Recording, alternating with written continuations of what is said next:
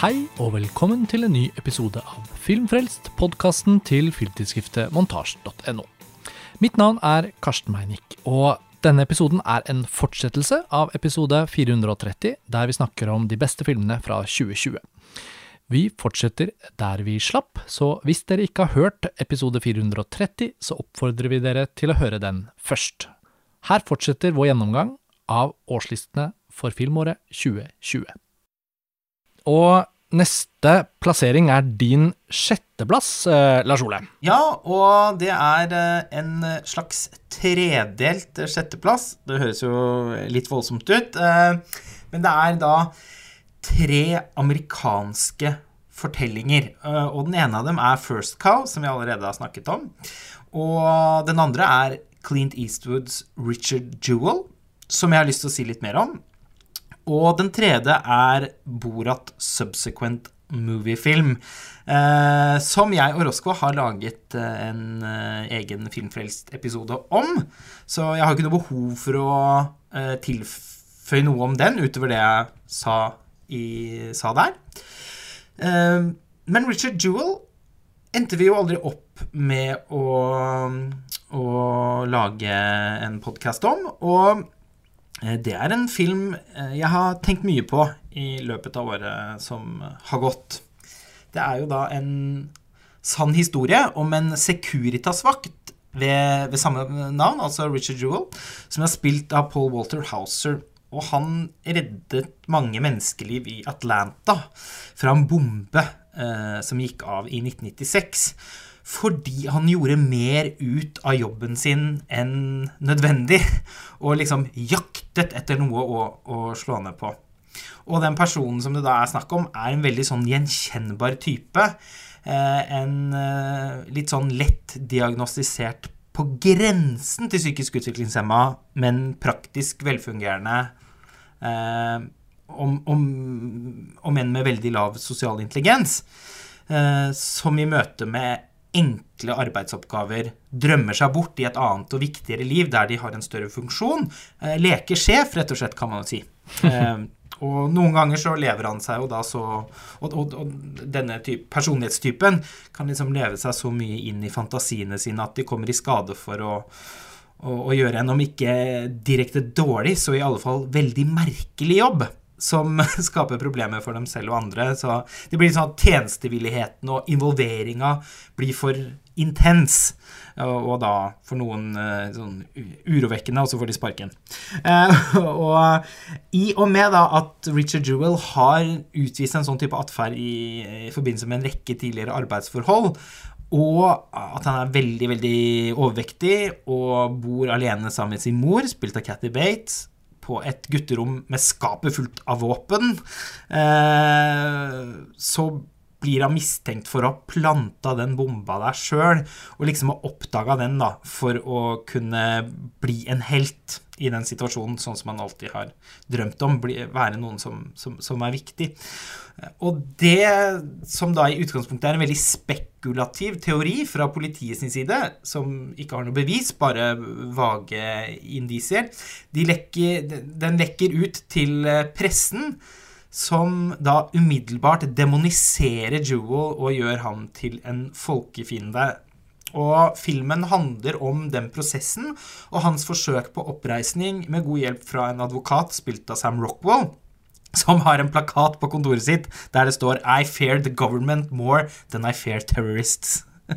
og uh, Richard Jewell har ganske mye til felles med en annen Clint Eastwood-film, Sully Eh, men er mindre opptatt av eh, de byråkratiske prosessene og mer rasende. Den har følelsene veldig utenpå, samtidig som den også er litt køddete og morsom på hovedpersonens bekostning, eh, får man si. Og der den Sully med Tom Hanks kunne minne en del om Frank Capra og en film som f.eks. Uh, Mr. Smith Goes to Washington, så er Richard Jewell mer av en John Ford-film, uh, føler jeg, og kanskje vel så mye en pendant til American Sniper. Og det samtlige av disse tre filmene som Clint Eastwood har laget i andre halvdel av uh, 80-årene sine, nå har Nå har han jo fylt 90. Eh, det, det alle de tre har til, til, til, liksom, har til felles, er at de viser hvilken uerstattelig kronikør av Amerika og Amerikas skyggesider Clint Eastwood er. Altså Vel er han republikaner, da, som så mange holder mot han, men noen patriot, det kan man ikke akkurat si at han er. Og jeg syns at sånne fortellinger om urettferdighet og justismord sånn, det, det, er veldig lett å bli opprørt, eh, opprørt over. Og eh, den spesifikke fortellingen her den syns jeg blir ekstra god av at typen Richard Jewell er så myteaktig, så symbolsk i hele i hele sitt form og fett, holdt jeg på å si, form og framtoning. Altså Han er liksom den dumme tjukken som de andre kan føle seg bedre av å stå ved siden av. Og han blir et veldig godt utgangspunkt for en fortelling om hvordan man kan gå fra å være helt til å bli en demon i løpet av bare noen timer. Og hvordan mennesker elsker å mistenkeliggjøre og demonisere og dømme uten å vite noe mer enn det de har lest i avisenes ingresser osv. Mm. Det er jo virkelig en film som handler om noe, og eh, jeg syns også den er veldig bra. Eh, den er eh, Den liksom står og vipper på min 20.-plass omtrent, og det er jo en bra plassering, det også. Jeg syns jeg kan alltid stole på, føler jeg, Lars Ola, at du tar hånd om Clint Eastwood-filmen hvert år. Den vil alltid liksom treffe deg litt nærmere. Nesten uten unntak så er jo du Du har liksom et blikk for hans filmer som Og det mener jeg er veldig positivt, da. At du, du, du, ser liksom at han virkelig er ute etter noe. Han er jo også, merkelig nok, på tross av sin utrolige status, så blir jo også Clint Eastwood litt sånn viftet videre i rekka. Når, når offentligheten er opptatt av noe annet, så er vi på en måte litt sånn ferdig med han. Og det er jo veldig urettferdig mot en filmskaper som lager såpass mye spennende film, tross alt, så sent i sitt liv. Ja, altså jeg tenker at uh, man tar han litt for gitt. Da. Nå er han 90 år. Det er mm. ikke lenge Det er ikke, blir ikke mange filmer til, selv om han allerede er i gang med en ny på tross av koronaen og sånt. Det tror jeg ikke han Korona som biter ikke på Clint. Nei. Jeg har ikke fått sett den, dessverre, men eh, jeg syns du solgte den inn, for å bruke et forferdelig uttrykk. Uh, jeg fikk veldig lyst til å se den nå. Så bra. Og han Paul uh, Walter Hauser, han gjorde jo også en uforglemmelig rolle i en film jeg vet du er veldig glad i, Tonja Og han er Altså, hans rolleprestasjon er på en måte nok for meg. Nå er jeg opptatt av, av, av Clint Eastwood som, som, som nå er jeg opptatt av Clint Eastwood som autør og eh, syns filmene hans er spennende å se i lys av hverandre og, og sånn. Og jeg, og jeg blir eh, engasjert av på en måte temaet filmen tar opp. Men hans måte Altså den typen han skaper der, eh, er egentlig mer enn nok til å eh, Ja eh, den typen han skaper der, er egentlig mer enn nok eh, for meg. Og uh, det, det, er liksom, det, er mer enn nok å, å, ta med seg ut av filmen egentlig bare pga. han. Mm. Og han er ikke alene om å være god. Cathy Bates, som spiller moren hans, også er, ble Oscar-dominert. og ja, burde kanskje vunnet den prisen. Utrolig nok ble han Hauser ikke Oscar-dominert. Det husker jeg syntes var helt ubegripelig. Men jeg tror det har noe med å gjøre med det du var inne på var sneiet innom, Karsten, at mm. Clint Eastwood sine filmer, selv om han på en måte nyter eh, stor respekt, så blir, så, så blir han ofte litt undervurdert. Da. Ja, men til og med en film som The, The Mule, da. Den likte jeg veldig godt. Ja, og, og, jeg vet ikke om dere er enig i det, men jeg syns jo også at um, selv han er jo også en sånn type fyr som det ikke lages filmer om. Altså en eldgammel mann. Hvis det lages filmer om dem nå, så er det jo gjerne en som har en veldig sånn sentimental eh, narrativ på slutten av livet om noen som har rammet av Alzheimer, eller ikke sant, kommer ut av skapet, eh, sånn The Beginners eh, med Christopher Plummer. Altså en eller annen sånn type eh, utrolig hendelse sent i livet-type figur. Om de gamle. Og så er det jo han Richard Jewell som er også en sånn en type fra Amerika som det ikke lages filmer om. Det er ikke mulig å skvise noe glamorøst ut av de menneskene, og dermed blir de ikke filmatisert. Og hvis de, hvis de blir det, f.eks. for eksempel den typen rollefigurer bare kvinner, da, så blir de jo gjerne sånne Um, Precious. Ja, ikke sant? Eller nå, jeg, nå tenkte jeg på den Netflix-filmen jeg ikke så i 2020, men som jeg vet om. Denne um, Ron Howard-filmen. Ja. ja, som jeg har liksom Jeg har mine fordommer mot den plakaten og ser og tenker den skal jeg aldri se. Men uh, det er noe med det der med at uh, og, og, og i liksom en sånn post-Trump-tid vi går inn i nå i 2021, altså hva var fortellingene om de menneskene som selv med godt hjerte også kunne stemme på Trump. Liksom. Altså, det er noe med at uh, man må se litt kritisk også på den derre veldig, eh, veldig godsinnede liberale som kaller dem Hva var det Hillary Clinton sa? The deplorables.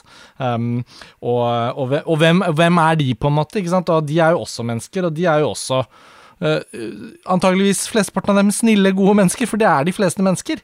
Og jeg føler Richard Jewell er veldig en sånn film om en av dem. Uh, og jeg var jo såpass idrettsinteressert i 1996 at under sommer-OL i Atlanta så husker jeg husker veldig godt at det gikk av en bombe der, og at det var noe sånn derre Det var ikke mange år før hvor den hvite terroristen nede i Oklahoma der hadde sprengt hele den der føderale bygningen, og, og, der var det jo var det ikke et par hundre døde. Altså, så det var noe sånn uh, innenlands terrorismebølge der, frem mot 11. september, da. Så 90-tallet hadde jo liksom den epoken. og det er veldig mye Richard Jewell får til å portrettere som egentlig ikke lages noe særlig film om. Filmen eh, inneholder også en eh, ganske utrolig tidsmaskinscene der eh, noen hundre mennesker danser macarena. Ja, da lo jeg høyt. Og det tror jeg var meningen. ja, det, tror altså, og filmen har ganske mye humor eh, i seg, mye på grunn av altså, hovedpersonen og, og, måten han er spilt på. Men jeg liker veldig godt at Clint Eastwood tar ham på alvor. Eh, mm. Og det innebærer også å eh, irritere seg over og, og, le av han. Fordi det er, så, sånn var han nok, på en måte. Jeg tenker at eh, han prøver ikke å liksom forskjønne Richard Jewell. Han prøver bare å eh, si at det han ble anklaget for, det var han ikke skyldig. Og det som skjer i løpet av den prosessen, er at han mister troen på Amerika. Altså, han har jo hatt en sånn urokkelig tiltro til myndighetene og drømt om hele livet sitt og en dag kunne på en måte være en tjenesteperson for mm. uh, en som jobber i politiet, en som representerer alt det han syns er så flott med Selv syns er så flott med USA, da. Mm.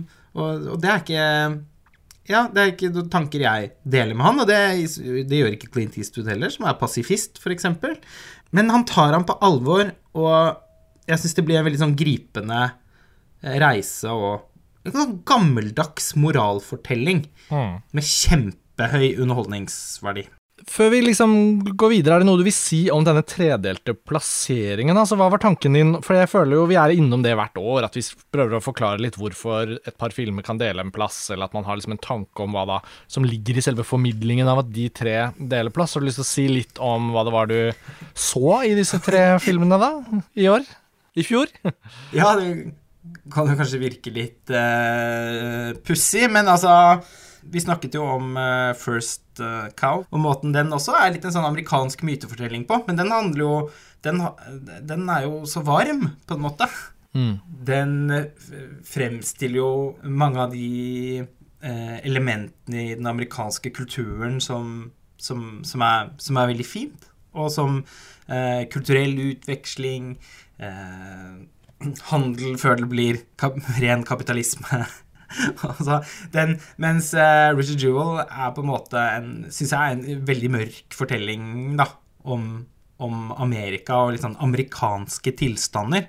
Og så er jo da Borat på sin side eh, bare en, en, vrangside av alt dette. Altså eh, mer enn noen annen film, på en måte. Eh, 2020 oppsummert. Ja, for Borat 2, som jeg kaller den for å være effektiv, er jo uh, et sjeldent tilfelle av at det virker som om uh, Sasha Baron Cohen da, virkelig har ventet med å følge opp den karakteren, og ikke tenkt at det bare skal lages en film til utelukkende fordi den første tjente så mye penger, men rett og slett tenkt når er det vi trenger Borat igjen? Ja, ikke sant? Nettopp. Og, og da kom han tilbake. Det er liksom en sånn Messias. Nå trenger vi han. Det er også en av grunnene til at jeg ikke liker den så godt som den første. da. For den første var liksom bare litt sånn in medias race, rett inn i det amerikanske eh, disse rare amerikanske samfunnene hvor han oppfører seg eh, galt. Um, versus noe som har en, plutselig en veldig politisk vri, og da mister den litt av der, det, det spontane, syns jeg. da jeg, jeg, jeg, var ikke så gira på, på, den som det Lars Ole var. Men, eh, men, fornøyelig. Jeg er jo stor stor, stor fan av uh, Sasha Baron Cohen. Jeg har sett alt han har gjort. Så vi hadde jo kanskje litt, litt for høye forventninger, muligens, da jeg gikk inn i den. Ja. Jeg syns jo, som vi snakka om i den forrige podkasten også, at uh, den var veldig morsom og, og, drøy nok til å sjokkere meg. Men jeg har tenkt litt på i ettertid også det som Karsten var inne på nå, med at han kanskje også tidvis gjør det litt enkelt for seg selv. Uh, nettopp ved å uthenge de republikanerne som har stemt på Trump, ta de på en måte verste eksemplene Uh, og sånn sett går i allerede opptråkkede stier, da, på en eller annen måte. Men, uh... en, en, rar ting, Roskva, som jeg virkelig føler skjer med Borat 2, det er jo at uh, nå som vi da er ferdig med våre årslister, og vi sitter her på nyåret og, og snakker om filmåret 2020, så føles Borat 2 allerede som en periodefilm. Og det handler jo litt om hva som skjedde 6.1 også, med stormingen av Kongressen og Det er jo som en scene fra Borat 2. Ja, ikke sant, men det er liksom vrangsiden. ikke sant? Det er sånn du ler og du ler til du setter det i halsen og mennesker dør, på en måte, rundt deg. Altså at det, det er et eller annet eh, veldig sånn Den fanger jo inn noe av det sinnet som vi så i virkeligheten der. Så det, det, det bringer jo Borat 2 veldig tett på det Amerika som ulmet gjennom sikkert mange år før det òg, men i hvert fall gjennom valgsesongen 2020. Og filmen gikk jo rett inn i valgkampen gjennom den utrolige scenen med Giuliani der. Og, og så, no, tidlig i 2021, med stormingen av Kongressen og liksom at Biden inntar presidentkontoret, så er det liksom som om det vi da faktisk har lagt bak oss, det er nesten så ikke folk kan akseptere eller begynne å slappe av og tenke wow, de har faktisk lagt bak seg dette. Eh, og da tenker jeg at filmen får en egen verdi, en sånn ny annen verdi som kanskje man må begynne å tenke på når det går litt mer tid. da. Mm. Det er nesten som at den var der og i all sin satire også dokumenterte noe. Helt på tampen av galskapen, på en måte. Ja, og kanskje nettopp gjennom de karikaturene du beskriver, Oskar, så, så, er det kanskje det at den, den, den, vil veldig raskt være på en måte sitt eget liksom øh, Et slags symptom på noe, da, fra den tiden. Mm. Mm. Ja, det er et veldig godt poeng. Man kan jo si at uh, den amerikanske historien om Amerika begynner uh, med, med, med, med, First Cow og, og ender i, i, Richard Jewell, og så uh, representerer Borat Subsequent Movie-film en slags sånn bråtebrann. Eh, og så kan alt begynne å vokse og gro igjen etter, etter den. Det er en veldig flott oppsummering av din sjetteplass fra filmåret 2020. Jeg vet ikke om jeg kjøper det helt sjøl. Ja, men det, det funker. Det var... men, um, du, kan, du, kan, du, kan, jo putte inn min The Hunt også der, så har vi en uh, god Ja, jeg, ikke sant? Jo, den hadde jo passet inn. Mm. Men eh, hvis ikke du har noe annet da, Lars Ole, så kan vi jo ta en eh, myk overgang til eh, neste film på, på min liste, blir det vel da. Min sjette sjetteplass, og det tar oss jo til noe helt annet. Filmen jeg har på sjetteplass, det er den italienske produksjonen Martin Eden, eller Martin Aiden, Som er en uh, adaptasjon, faktisk, av Jack Londons uh, bok Martin Eden fra 1909. Og det er, ser man jo av og til at en uh, roman eller en originaltekst som utspiller seg f.eks. i engelskspråklige verden, faktisk blir adaptert i et annet land. Og det å Jeg har ikke kjennskap til romanen fra før av. Jeg har lest et par Jack London-bøker, men ikke den. Uh, og jeg vet ikke i hvor stor grad den eventuelt tar seg store friheter eller ikke, men bare det at en bok som i utgangspunktet er satt i, i USA, uh, på, tidlig på 1900-tallet, uh, eh, som er da skrevet om til å utspille seg i Italia, blir jo selvfølgelig en ganske sånn annen fortelling, sikkert, da, hvis man kjenner den romanen godt. Men det gjorde jo som sagt ikke jeg, og dette var en film som hadde sin premiere på filmfestivalen i Venezia i 2019. Og den vant prisen for beste skuespiller, og i løpet av de prioriteringene vi gjorde i løpet av den festivalen, Lars Ole, så endte vi jo ikke med å se denne. Så jeg husker bare en sånn god bøss, litt sånn særlig blant italienerne. Og sannheten er vel at vi aldri tar det sånn ekstremt alvorlig der nede, for det ofte blir litt sånn at italienerne blir bare glad for den beste av sine fra det året, og så prøver de å ja, det... hype opp den litt, og så er vi kanskje litt nonsjalante, nonchalante, mulig.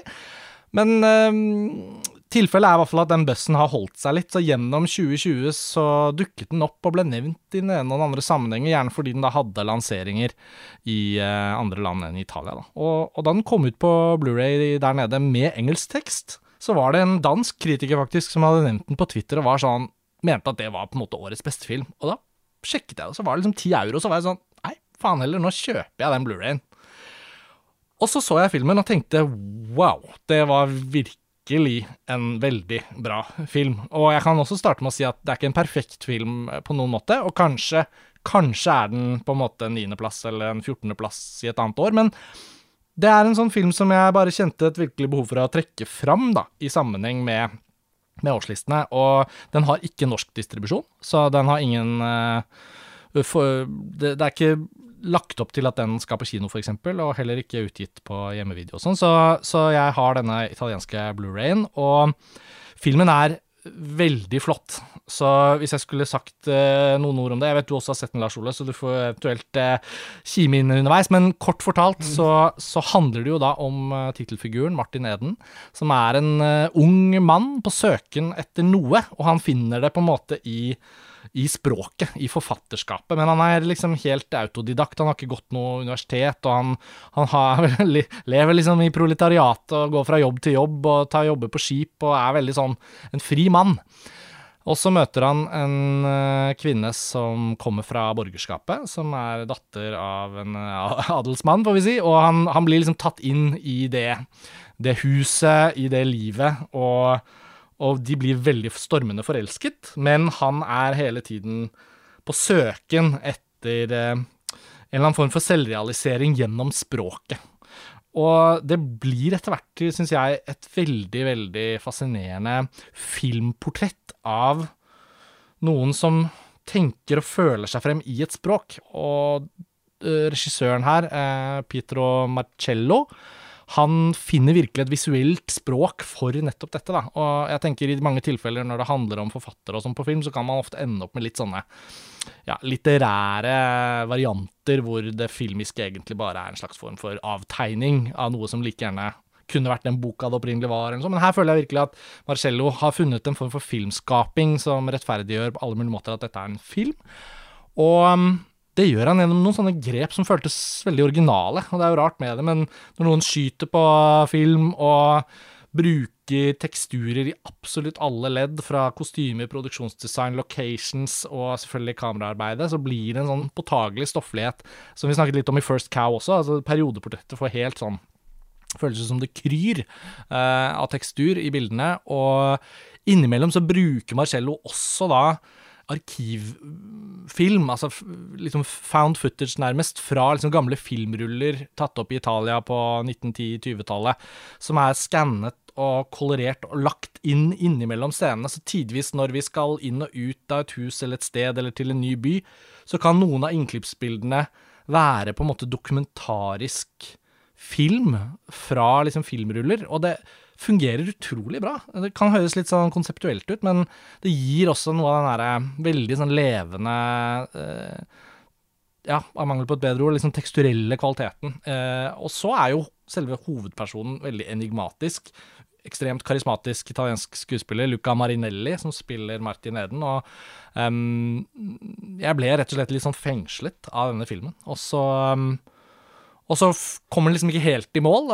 Det gjør et sånt tidshopp på et tidspunkt der. Jeg skal ikke si hva det er som skjer, men det, det gjør et lite hopp hvor filmen blir litt en mer konvensjonell periodefilm. Um, og, og, og, den hadde egentlig ikke tjent på å kanskje bare klippe til svart og være ferdig eh, 15-20 minutter før. Men Ikke fordi den blir kjedelig, men den, den, den, er liksom akkurat ikke helt der. Så jeg måtte researche litt hvem denne Pietro Marcello er, og fant ut at han i all hovedsak har laget dokumentarfilm og jobbet ganske eksperimentelt og har vært kjent for det og at denne filmen er hans aller første sånn, mer sånn tradisjonelt finansierte og produserte fiksjonsfilm. da. Så jeg syns det var en virkelig oppdagelse, og kanskje burde den vært gjort på filmfestivalen i Venezia i 2019, men det er aldri for sent å, å finne ut av denne typen spennende filmer som lages i, i filmland vi, vi, kjenner jo godt til. Det er jo ikke noe mangel på italiensk film, men uh, det lages jo veldig mye der som vi også ikke får se. Så dette var skikkelig sånn funn for meg, og den uh, er min sjetteplass, da. Det hørtes litt ut som sånn eh, Neruda, tenkte jeg. da, altså Lage noe som er litt sånn systematisk spenstig over en forfatter. Neruda, uh, Pablo Larrains film, ja, ja. er jo en mm. film du var veldig opptatt av det året. Og da var jo du litt alene, Tor Joakim. Jeg var nok ikke på Team Neruda, husker jeg den gangen. Men jeg forstår sammenligningen. Men jeg tenkte mer sånn i forhold til altså Du pøser litt inn i det visuelle for noe som i utgangspunktet kanskje kan være tørt. Ja, og kanskje litt sånn det der med å gå ut på stupebrettet litt og tenke at jeg tar denne risikoen, for jeg vil ikke være en av de som bare lagde en sånn tradisjonell biografifilm, f.eks. i det tilfellet, da, hvor det var en sann historie på en måte om han. Så er det jo gjort mange grep der som tross alt eh, skal få cred for å prøve, da, og for å driste seg utpå der. Og uh, det er en parallell der. Marcello her, som filmskaper, vil jo ikke bare lage en periodefilm fordi noen har likt det han har gjort og sagt 'her har du en jobb'. Det føles som en veldig sånn personlig måte å, å lage denne filmen på. Og ja, så Nei, det var en veldig, syns jeg, spennende oppdagelse. Du sendte jo Blu-rayen i posten til meg, og jeg hadde veldig stor glede av å se den på, på, på lerret uh, her hjemme. Jeg syns det var en utrolig skjønn film. Altså, for en flott fyr denne Martin Eden er. Uh, det var liksom noe med, med bare måten han var på, og selvfølgelig rolletolkningen da, til han skuespilleren som jeg ikke husker navnet på. Uh, men mer enn noe annet så var det jo skikkelig sånn porno for sinefile, som jeg pleier å si. Altså, det var Det er altså så uh, deilig fotografert på 35 mm og med innmari sånn virkelig poetisk bruk av arkivklipp, som eh, du var inne på. Og den har en sånn elliptisk løpende struktur som gjør at det, det, det er egentlig ikke noen sånn fortelling. Det er mer en eh, ja, et filmdikt, da. Mm. Fram til den dessverre eh, ramler litt sammen den siste halvtimen. Det syns jeg egentlig var veldig leit, fordi hadde det ikke vært for det, så kunne det vært en, en, en, en stor film, egentlig. Mm. Eh, Minna meg både om Bernardo Bertolucci, bare uten erotikken, og til dels også Raúl Ruiz. Eh, mm. det, var, det var en sånn filmhistorisk informert eh, regissør, fikk man inntrykk av, som, eh, som hadde lagd den. Denne Marcello, som jeg ikke har noe kjennskap til fra før av, men i likhet med deg da ble jeg veldig nysgjerrig på. Ja, altså det er jo bare rett og slett veldig spennende arbeid. Og selv om vi beskriver den svakheten Jeg tror du og jeg var veldig enige om det. Vi hadde ikke snakket så mye om hva, hva det var, men, men man, man, merker det jo. Og det er jo ikke egentlig det at det er så svakt, det som kommer. Det er bare det at det, det, det, blir liksom en vanligere film. Akkurat som du sier om strukturen, da, så flyter den på en sånn musikal Det er en sånn jazzaktig eh, driv i den. Ja, nettopp. Og, og når mm. det stopper opp og den blir litt vanlig, så blir det så mye mer merkbart. Hadde den vært vanlig hele veien, så hadde den kanskje ikke hatt det skillet, da. Det var jo veldig tydelig. Det var liksom som en hånd som har staket deg sånn deilig forsiktig i 1 time og 40 minutter, og så bare smeller den deg midt i ansiktet og sier 'da, nå må du våkne opp'. Det er som om du er på en gondol i Venezia, og så setter de på poengsmotor de siste tre meterne. Men ja, nei, så jeg, jeg, jeg, jeg syns det er en varm anbefaling. Da, og den er på synes... min 16.-plass, da, bare så det er sagt. Ja, og det er høyt. Ja. Så bra var den, tross alt. 16.-plass. Så, og Tor Joakim, jeg tror ikke dette er en film som du kommer til å sniffe av nesen eh, over. Altså, jeg tror eh, Du må gjerne Nei. låne Blu-rayen, for å si det sånn. Den kan gå på rundgang. Jeg tenkte du skulle si at nå var det noe sånn My Venn-aktig eller et eller annet, da, at jeg ikke kom til å like den, men uh... Nei, nei, altså på ingen måte. Det var veldig lite til felles med My Venn. Ja, det, det, vil jeg si er to forskjellige verdener. Nei, men vet du hva, jeg kom faktisk uh, til det siste punktet mitt, og det er faktisk da at uh, det er også ganske sånn inspirert eh, musikkbruk her. Litt sånn kontrafaktisk, eller hvordan skal man si det, kontraestetisk, da. At det er ganske mange mer sånn moderne lydbilder som jeg syns lykkes veldig bra her. Eh, jeg har ikke hørt om de komponistene før. Marco Messina og Sasha Ricci. Så um, Nei, så det ja, det er veldig mange bra ting her, og jeg syns folk skal ta det som en anbefaling. Og om ikke dere er i form til å bestille italienske Blu-rayer fra amazon.it, så kan det jo hende den dukker opp på um, en vanlig digital filmtjeneste etter hvert. Det skjer jo som regel med de fleste filmer at de, de dukker opp uh, hvis ikke de er helt obskure. Det, det, vi kan være helt sikre på, imidlertid, er at den aldri kommer til å dukke opp som en attraksjon i My When World. Der. Nei. uh, My When World litt sånn utenfor Paris, men ikke der hvor Disneyland ligger, men mer sånn inniblant, inniblant forstedene der. Ok, Tor Joakim, nå skal vi jo til øvre halvdel av uh, årslistene våre. Din femteplass. Min femteplass er jo da um, Roy Anderssons uh, Om det uendelige.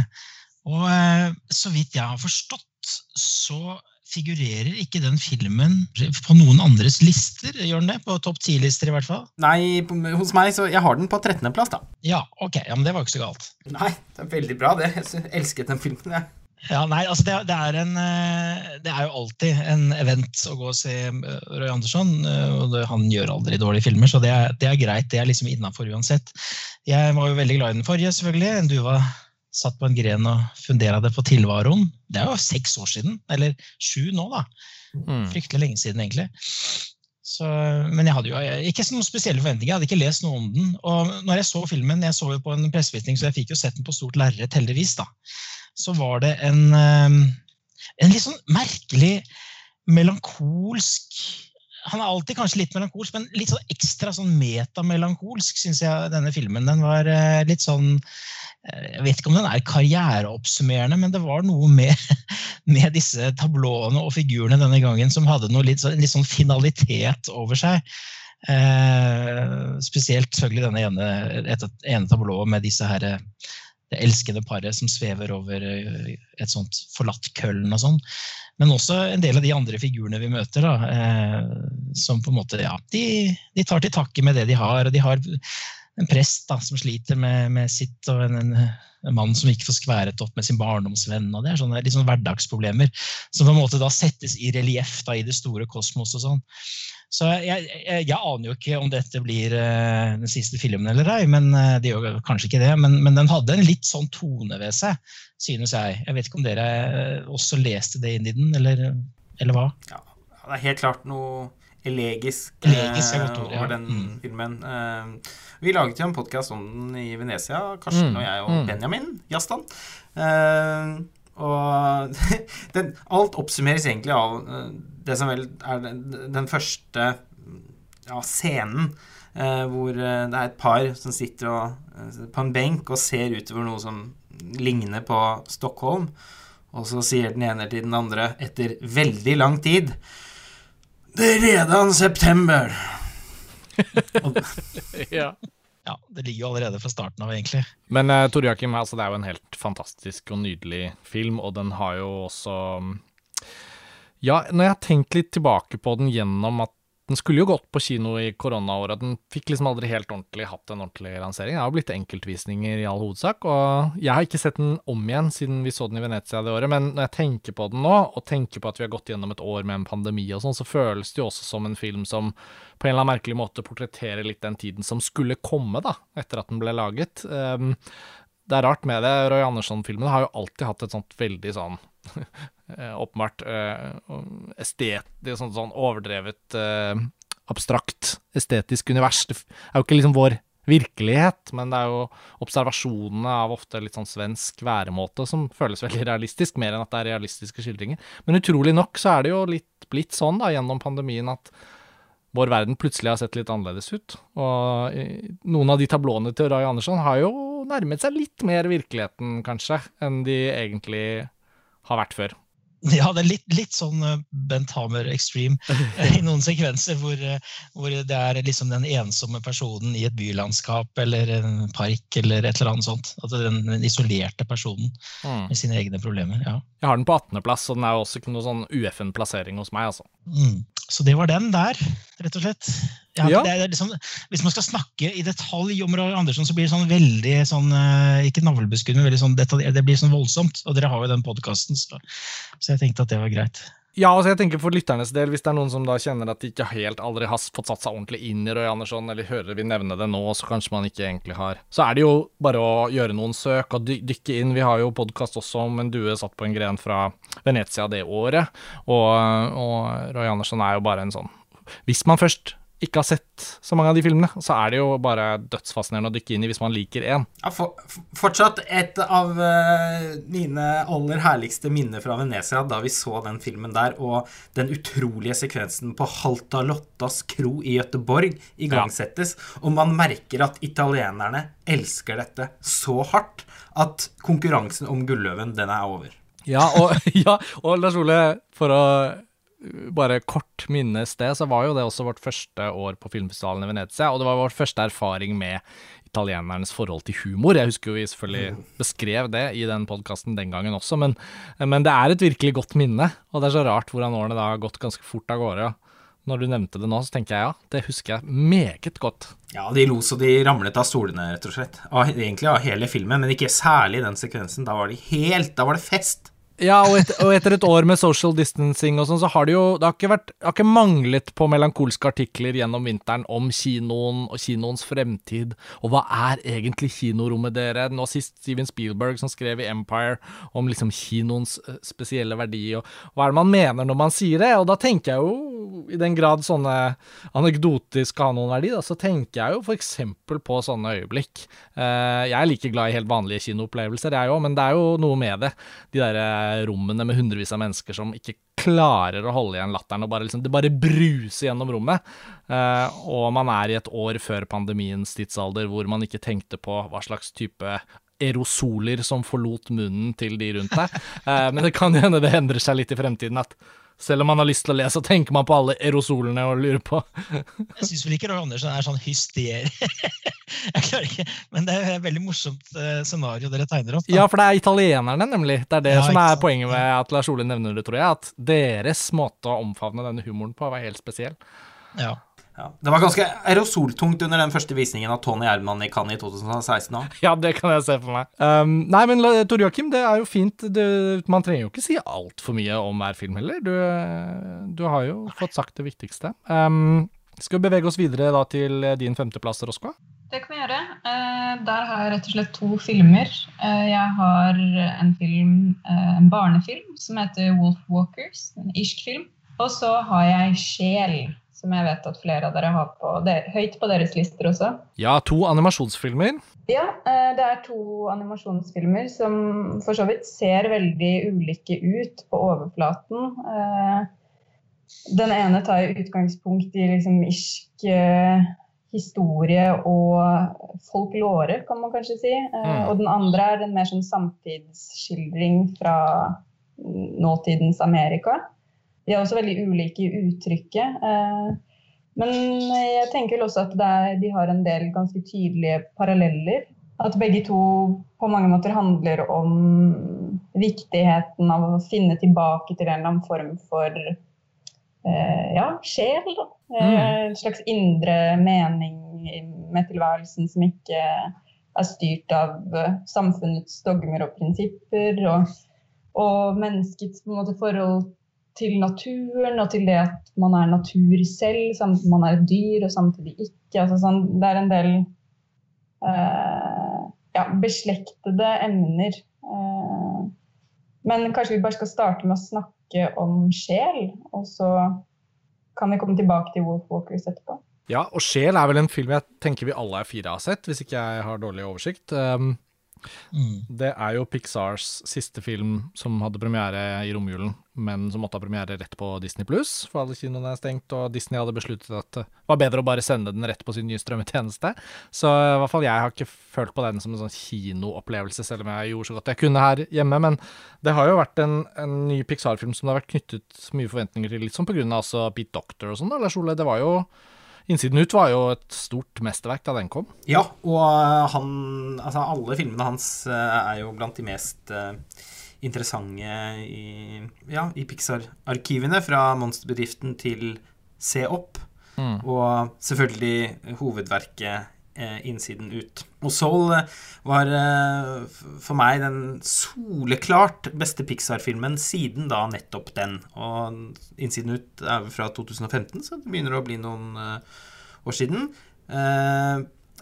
Selv om jeg også var veldig begeistra for The Incredibles 2, så har jeg egentlig vært nokså underveldet av flere også tungt kritikerroste Pixar-filmer de siste årene. Så for meg så var det en en stor glede å se at uh, man fortsatt på en måte ikke kan slå seg til ro med at uh, Pixar Pixars gullalder på en eller annen måte er forbi. Uh, jeg ble helt, helt, satt ut, egentlig, av den filmen. Både emosjonelt og, og, fordi jeg var så imponert over måten den liksom sjonglerer forskjellige eh, sjangere på. Altså det er en veldig en miks av liksom eksistensiell science fiction og eh, slapstick-komedie og nesten sånn sosialrealisme som ikke nødvendigvis eh, måtte fungert, som, uh, som, gjør det. Og jeg har skrevet da, en lang omtale av den på montasje og vel fått sagt det meste av det jeg brenner inne med der, så jeg trenger ikke å si noe mer utover at den er på min fjerdeplass, og at jeg Altså jeg sa i stad at Borat Subsequent Movie-film er liksom den ultimate 2020-filmen, men det er også sjel, da, på en helt annen måte. Men ikke desto mindre. Ja, og Tor Joakim, du har den på din tredjeplass. Jeg har den på en, eh, på en del tredjeplass. Jeg har den på tredjeplass. Jeg var jo ikke så gira på Inside Out da, som det Lars Ole og dere andre kanskje var. Og jeg har spurt meg selv i årene siden 2011 hvorfor slo ikke den meg? Kan det ha noe med at jeg så den med norsk, eh, norsk tale? Eller, jeg, husker at den var jeg, jeg syns den var litt tullete jeg så den på, på pressevisning. Så, så den, den, den, gjorde aldri inntrykk. Se opp syns jeg er helt fantastisk. Så, så, men, men, sjel, eh, det var liksom til, tilbake til eh, Pete Doctor fra, fra Se opp igjen. da. En, eh, og jeg blir først og fremst fascinert av denne her, eh, disse to verdenene, og hvordan de er selvfølgelig veldig adskilt visuelt, men hvordan de også glir inn i hverandre etter hvert. Eh, du snakket om den sosialrealismen i stad, Lars Ole, og det er spesielt i dette New York jazzmiljø-biten av det. Med en ekstrem ja, Lenge siden jeg har sett så mange rike, naturtro detaljer som i den delen av det. Jeg ble helt sånn slått over ende når jeg så det. Og så har du da denne litt sånn Picasso-aktige etterlivet eller førlivet på den andre siden. Så eh, det var så mye å forelske seg i. Og da har jeg ikke engang begynt å snakke om liksom undertekst med å finne seg selv og tilhørighet og ambisjoner og lidenskap og alt dette her. Det har jeg ikke begynt å snakke om engang. Ehm, men også må jeg selvfølgelig også da nevne musikken til eh, Trent Reznor, Atticus Ross og John Batiste. Igjen hvor de spiller på denne kontrasten. Du har Trent Reznor og Atticus Ross sin sånn eteriske syntmusikk for uh, førlivet, eller etterlivet.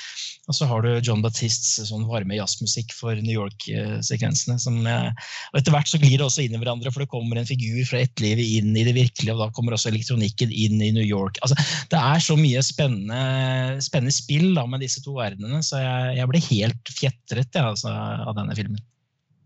Jeg, jeg, må bare si det til slutt. Jeg syns det faktisk er eh, Jeg vil sette den helt på toppetasjen av Pixar-filmer ved siden av typ, de tre første Toy Story-filmene og kanskje Wall-E og uh, Se opp. Helt i det sjiktet der. Mm. Ja, men det, å, vi er så enige. Eh, for en gangs skyld. den, ja, men nei, den er helt uh, der eh, oppe for meg. Altså, jo, jeg deler uh, oppfatningen om at uh, de tre første Toy Story-filmene og, ja, og The Incredibles og, og Wall-E, som du nevnte, men også da Innsiden ut, da, er, de, er, er favorittene. Så mm. Roscoe, akkurat som deg så har jeg også delt plassering mellom Sjel og Wolfwalkers. Jeg har de på ellevteplass, men det kunne like gjerne vært på topp ti også. Jeg bare merket selv at jeg hadde ikke så mye å skrive om dem i listesaken. Jeg følte liksom, at ellevteplass er liksom Det er jo på en måte toppsjiktet, det òg, men uh, nå som vi snakker om dem, så, så, følte jeg jo litt det samme som deg, antageligvis, da. At dette var to animasjonsfilmer som på, hver, på ganske forskjellig måte kom opp på et sånt kvalitetsnivå som gjorde at de virkelig liksom transcenderte det å f.eks. da bare i hermetegn bare være en barnefilm. Det er jo ikke noe negativt, det, selvfølgelig. Og, og Wolf Walkers uh, så jeg med uh, fireåringen her hjemme, og selv om Apple Pluss, hvor den nå distribueres for hjemmemarkedet, ikke hadde norsk dubbing på den, så så vi den på engelsk sammen, og det gikk veldig bra. Og da ble jeg veldig bevisst på hvor utrolig flott visuelt utformet også den filmen er, men på en helt annen måte enn Sjel, da. Um, mm. Ja, den er jo tilsynelatende mye enklere, men spiller veldig på at den historien som fortelles, er ja, lagt 400 år tilbake i tid, og at det er et liksom, sagn, nærmest. Og det syns veldig i streken. Mm. Eh, men jeg syns også det var en helt, eh, helt utrolig god barnefilm som det tok litt tid før jeg kom inn i. Men når jeg først kom inn i den, så, så ble jeg veldig, veldig grepet. Eh, det handler kort fortalt om en eh, eh, liten jente og faren hennes eh, som flytter til en ny by i Irland på slutten av 1600-tallet. Eh, og faren eh, er ansatt av kongen, er det vel, eller altså i hvert fall eh, han som styrer byen, til å fange ulver fordi ulvene lever liksom på utsiden av byen og er en sånn konstant trussel mot samfunnet der. Mm. Mens denne lille jenta hun drømmer da om å bli en ulvejeger, sånn som faren hennes er. Eh, men får ikke lov da, til å bli med ut i skogen, for faren er liksom redd for at hun skal skade seg eller at noe skal skje, og hun er altfor liten, og han har allerede mista kona. Og, eh, og, er på en måte kanskje både litt overbeskyttende, men også så er det jo også en liten jente liksom, det er snakk om. da, og Hun har jo kanskje mer mot enn hun har eh, selvinnsikt, som man ofte har når man er liksom seks-syv år. Og så egentlig utvikler det seg til å bli en fortelling hvor denne jenta likevel trosser farens forbud og beveger seg ut i skogen og blir tatt til fange nærmest av disse ulvene, som det viser seg at ikke bare er ulver, men er noen slags sånn ulvemennesker. Og uten at jeg har satt meg så veldig inn i det, så får man i hvert fall en følelse av filmen, av at den spiller på kanskje typisk folketro. Altså det er en sånn veldig sterk, tydelig nasjonal identitet i filmen, både i uttrykket og, uh, og fortellingen. Uten at jeg vet om dette er et sagn eller ikke. Men, men, hvor hun i hvert fall blir venn med denne ene jenta, som er en såkalt wolf walker. Halvt menneske, halvt ulv. Uh, og vikles inn i denne jentas kamp for å redde sin egen mor, som har blitt tatt til fange idet hun på en måte var inkarnert i ulvekroppen. Da, og nå, ikke, nå, våkner ikke menneskekroppen opp fordi ulven er i fangenskap. Så det handler veldig mye om, eh, om vennskapet mellom de to jentene, men også kanskje først og fremst om hvordan samfunnet temmer ikke bare jenter, selv om det åpenbart er en sånn tydelig tematikk i filmen, men temmer mennesker. Eh, setter dem i bås, forhindrer oss i å, å leve på liksom ja, for å bruke et kioskete ord, autentiske måter. da. Eh, men det er veldig, veldig, veldig gripende. Det er den, altså. Og den vekket en sånn eh, eventyrlyst i meg som det var lenge siden jeg hadde kjent på. Så, fordi den på en måte også er en litt sånn klassisk fortelling. Og det er også veldig fint hvordan eh, den tematikken du beskriver, den sitter liksom også i filmens strek. Altså måten den byen er eh, eh Altså perspektivene og sånn er lagt fram på er De veldig sånn rette linjene og bygningene som er stablet oppå hverandre og sånn. Veldig eh, fint gjort. Og den er, har, den er på min eh, tolvteplass, så jeg var eh, Ja, nei, den er, den eh, er virkelig noe alle burde få med seg en liksom fin parallell mellom den og sjel er at eh, i dette liksom 1600-tallssamfunnet så er hierarkiene veldig sånn utvendige. altså Det er forventning om at hun som jente ikke skal være ute i skogen, hun skal jobbe som tjenestepike. Det er en forventning om at man skal te seg på den og den måten. Man skal ikke stille spørsmål til autoriteter. Uh, mens i sjel så er det som om på en måte hele det rigide systemet har på en måte blitt internalisert. Da hovedpersonen lever jo et mye friere liv, men han også er jo på mange måter en fange av en del ideer og konvensjoner som han kanskje har sett på som frihet og sett på som eh, det vakreste og beste i livet. Og så blir han konfrontert med at, at hele verdisystemet hans på en måte rokkes om ved. Og det også skjer i en sånn form for kontakt med Eh, med naturen på en eller annen måte. Da. Selv om det er en annen form for natur enn denne veldig sånn eksplisitte skogen i Wolfwalkers, så er det også en, en, liksom, en menneskenatur eh, han kommer i kontakt med, som også gjør at han på en annen måte, men allikevel beslekta, blir i stand til å leve friere. Da. Mm.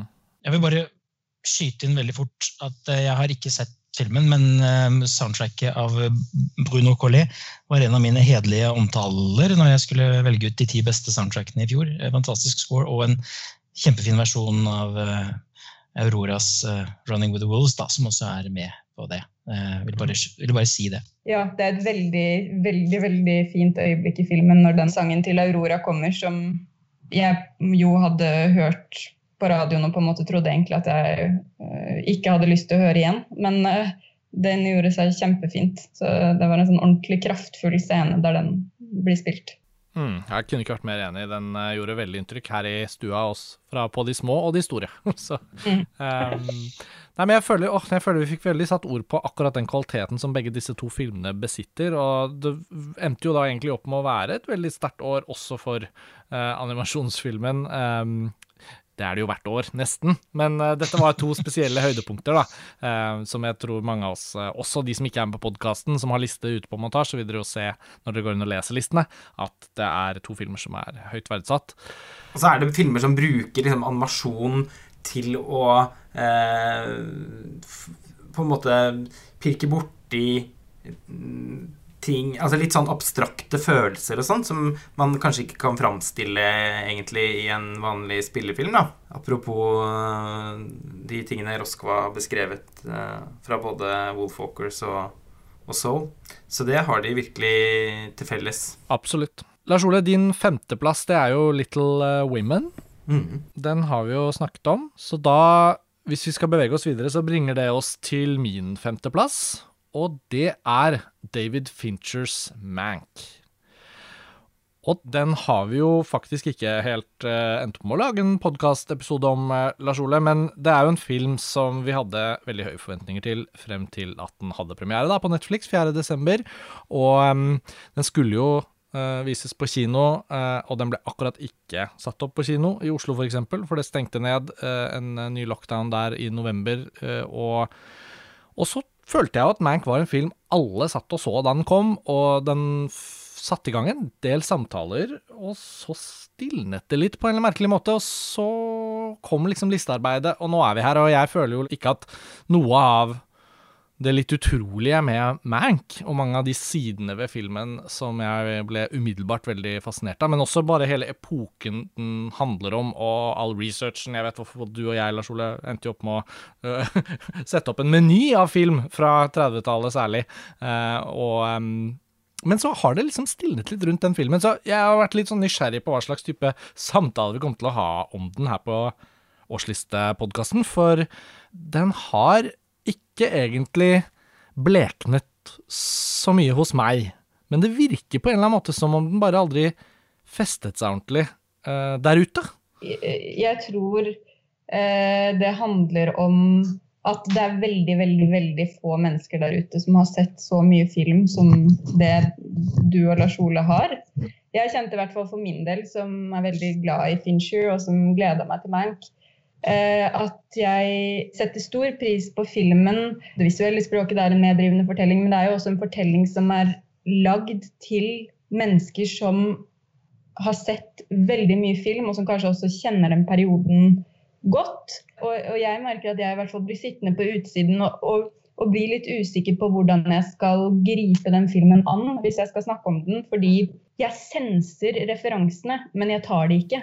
Mm. Altså sånn, du merker, du merker at de serveres. Eh, og sikkert mange som går med hus forbi òg, men det er noe med liksom no, Noen ganger kan man liksom merke at ok, her snakkes det til meg som publikummer, her kommuniseres noe mellom linjene. men men jeg har ikke de referansene som skal til for å tenke videre. Da. Altså sånn, jeg blir sittende litt og, og setter pris på at det er noen som har gjort den jobben. For jeg skjønner at det må ligge en enormt stor jobb bak, og en kjærlighet til film og en kjærlighet til den perioden. Altså, men, men jeg, kan, jeg, jeg, blir sittende og føle at jeg liksom ikke helt er mottakeren for den filmen. Da. Og det er eh, ikke tilfeldig at jeg startet med å si litt om mottagelsen, Roskva, fordi jeg føler ikke at selv om det faller seg naturlig for meg, så har jeg virkelig merket at det er ikke Jeg føler ikke off, filmoffentligheten vi snakker med og snakker til, det er ikke noe selvsagt at Mank er det storverket den er for noen av oss. Da. Og eh, gjennom å snakke om den, så er det jo selvfølgelig også litt sånn at bare Jeg merket jo på meg selv nå at jeg tok meg jo ikke bryet til engang si hva den handlet om, for jeg tar det litt sånn for gitt at lytterne våre vet hvilken, eh, hvilken fortelling Mank eh, presenterer. Men det er jo da altså historien om mannsfatteren Herman J. Mankwitz og hans eh, eh, Den perioden han eh, var på høyden av sitt virke i Hollywood, men også da starten på noe av det som ble nedturen. Og han fikk oppdraget med å skrive Citizen Kane uh, for å etter hvert også med, uh, delvis med i hvert fall, Orson Welles. Og det er jo en sånn myte som, som, har blitt diskutert mye. og egentlig den historien filmen forteller, husker jeg i hvert fall selv at jeg først noterte meg fordi eh, Pauline Kael, hun kritikeren som eh, vi har nevnt titt og ofte, og som noen av oss har lest en del tekster av. Og jeg har lest biografien om henne, og der er det også et stort parti om den perioden hvor hun skriver dette essayet 'Racing Kane' i The New Yorker på 70-tallet, hvor hun liksom prøver å egentlig Eh, bryte litt ned den eh, store glorien som er blitt hauset opp rundt Orson Wells-geniet som lagde Citizen Kane, og at hun prøvde å uh, gjenopprette litt av æren for Herman J. Mankiewicz. da. Uh, og uh, Jack Fincher, faren til David Fincher, har jo da skrevet originalmanuset som nå er filmatisert. Han har gått bort, uh, men manuset har vært hos Fincher og ligget da på denne berømmelige hylla i mange år, før han nå lagde det med så frie kreative tøyler som det går an å få av Netflix når de skriver en sjekk til deg og sier 'lag det du vil lage'. Og det er liksom filmen vi har fått da. Um, men ja, Lars Ole, den er jo også høyt på din liste. Ja, ja, den er på min uh, tredjeplass, delt med Sofia Coppolas On The Rocks. Nok en uh, kanskje litt sånn pussig dobbeltplassering. Uh, men det var jo da to filmer som har det til felles for meg at de vekker til live en kjærlighet for gold, altså Hollywoods golden age på hver sin mm. forskjellige måte. Og det er ikke noe tvil om at det er noe litt sånn ugjestmildt over Mank, og at det har resultert i at veldig mange tror jeg har hatt en ganske kjedelig filmopplevelse i, i møte med den. Eh, og jeg har ikke noe problem med å forstå det, av de årsakene du beskriver, eh, Roskva. Men i likhet med deg, Karsten, altså, det var som om underbevisstheten min igangsatte et prosjekt her i hjemmekinoen mm. for å liksom forberede meg til Mank, fordi i løpet av høsten så endte jeg med å se veldig mange Hollywood-filmer fra 30- og 40-tallet. Uh, så da Mank omsider uh, var premiereklar, så var jeg liksom så innmari klar for å dykke inn i, i den. Og det er jo veldig fascinerende ikke sant, hvordan Orson Wells, som var en sånn Wonderboy fra New York, eh, teater- og, og radiostjerne, som ble invitert over til Los Angeles eh, av RKO, som var eh, rammet av krise. Og de var nødt til å liksom så å si satse alt på et prosjekt, eller litt sånn langsomt kanskje måtte avvikle driften. Og de tenkte jo da på Orson Wells som en sånn at han kunne være en potensiell livredder, da. Og de garanterte han jo kunstnerisk frihet, fordi i utgangspunktet så var han ikke så interessert. Eh, men når han da får, fikk det tilbudet, så hadde han jo ikke noe, egentlig noen klar visjon om hvordan han skulle benytte seg av den. Og da er det jo så interessant da å se at uh, Herman J. Mankiewicz er den som på en måte sto for historien, rett og slett. Så, mm. Og det er jo en slags konspirasjonsteori, må man si. Det fins også de som mener at filmen tross alt ikke eh, er helt historisk korrekt, og at den uh, tar for mye av det Pauline Kael har påstått for god fisk og sånn. Men eh, det, det, er nå så uansett, da. Så, så, er det veldig gøy å se hvordan Mank sin fascinasjon for, og samtidig litt sånn avsky overfor avismagnaten William Randolph Hirst, og hans forbindelser til eh, Louis B. Mayer og MGM og republikanerne mm. blir uh, utgangspunktet for hyperkanoniserte Citizen Kane. Og eh, Mank i sin, sine sånn sprang i tid og rom og eh, måten den er strukturert på, slekter jo ganske mye på nettopp Citizen Kane, og dessuten ganske mange noir-filmer fra fra den eh, perioden. Ja, den gjør jo det. Og det er jo litt rart også at Mank har blitt et slags offer for um, sin egen hype, nesten. da. Altså at uh, Jeg gjorde jo som du også gjorde, Lars Ole, og kastet meg inn i denne perioden for å forberede meg, og følte jo at uh, belønningen da vi endelig kunne se Mank, var jo at alt det som utspilte seg i bakgrunnen, er en veldig sentral del av Hollywoods historie. Altså, ikke bare da Orson Wells ble hentet for å lage Citizen Kane, men også da på 20-tallet, da mange av disse intellektuelle, smarte typene i New York som kanskje skrev teaterstykker eller var journalister og sånn, ble hanket inn over til California for å skrive manus. Og, og akkurat samtidig, omtrent på slutten av 20-tallet, så kommer lydfilmen, og så plutselig er vi inne i 30-tallet, og det er pre-code også, så det er liksom ikke så mye moralisme ennå. Og det er noen år der hvor de bare kan smi ut den ene skarpe, morsomme filmen etter den andre. Og en film som Dinner at Eight da, fra 1933, som er skrevet av uh, Herman J. Mankiewicz uh, og regissert av George Cuker, er en fantastisk sånn herlig kammerspill uh, fra den perioden, som var en av de filmene jeg ikke hadde sett fra før av, og som jeg fikk sett da i forkant av Mank. og det bare betalte seg så innmari da Man omsider var klar til å bli sett, men jeg merket jo også ganske raskt at det var litt sånn, det var litt sånn stille ute i lobbyen, kan man si det sånn? Rundt Mank. så jeg, jeg, jeg, kom ut med litt sånn glødende, og så var det sånn Oi, var det ingen andre som egentlig den, ja. Og hun her hjemme som jeg så den sammen med, hun sovnet midtveis. Så uh, i min hyllest av Mank nå på årslistene, så føler jeg liksom at det er umulig å snakke glødende om den uten å ta med i betraktningen at det antageligvis er ganske mange som egentlig ble veldig skuffet av den filmen.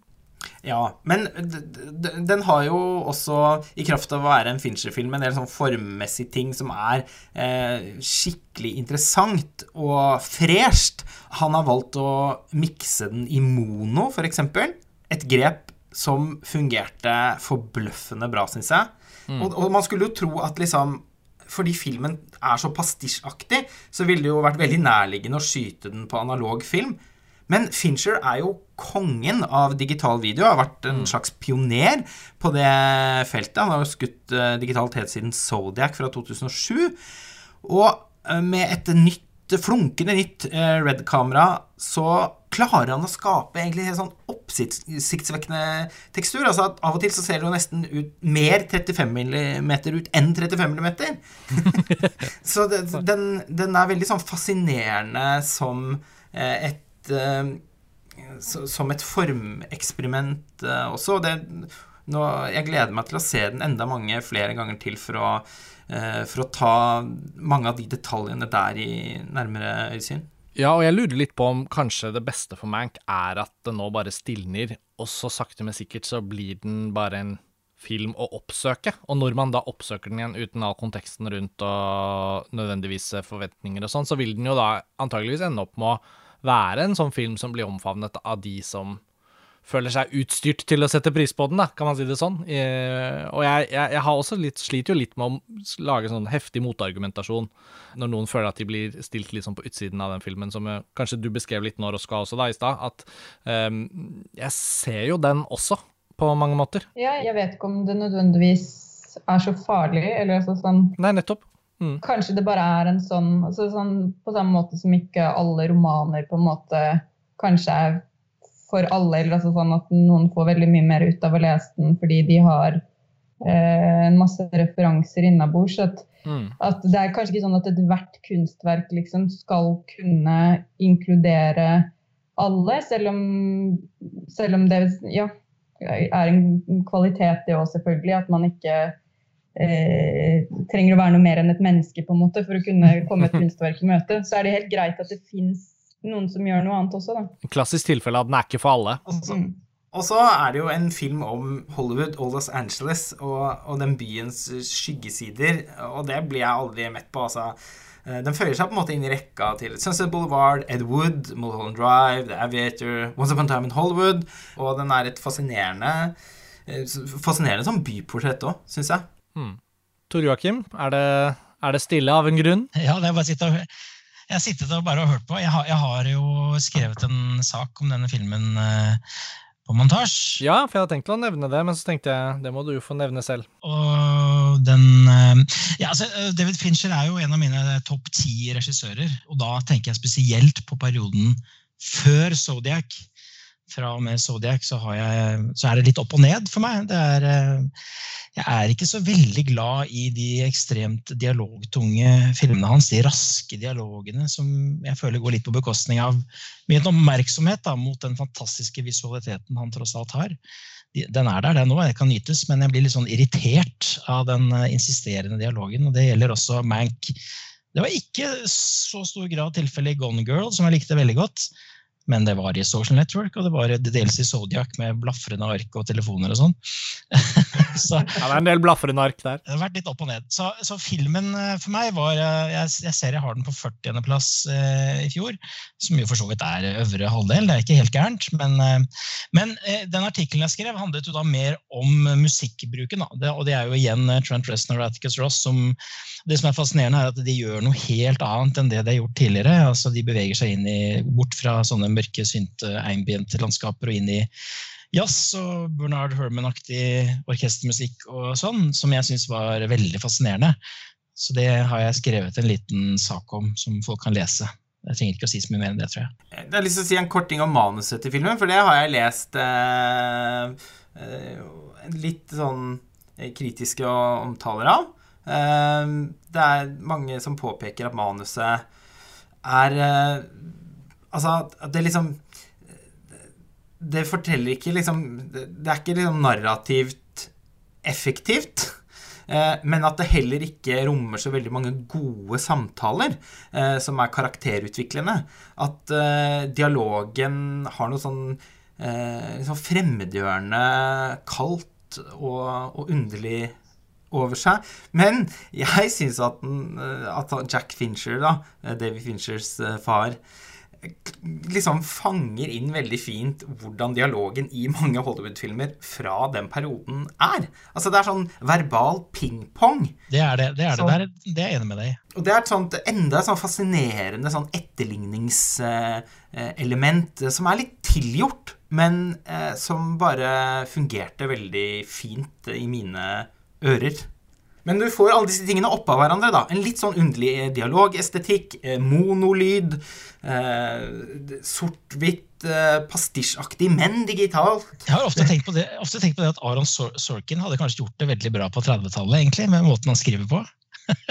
Ja, jo, men ja, helt og, og, og han og Fincher har jo fant jo, fant jo hverandre i uh, The Social Network. Jeg tenkte en del på Fincher-Sorkin-samarbeidet da jeg så eh, en annen nøkkelfilm fra denne perioden, og det var et stort filmhistorisk hull jeg virkelig måtte tette, da, og jeg benyttet anledningen til da omsider å se His Girl Friday.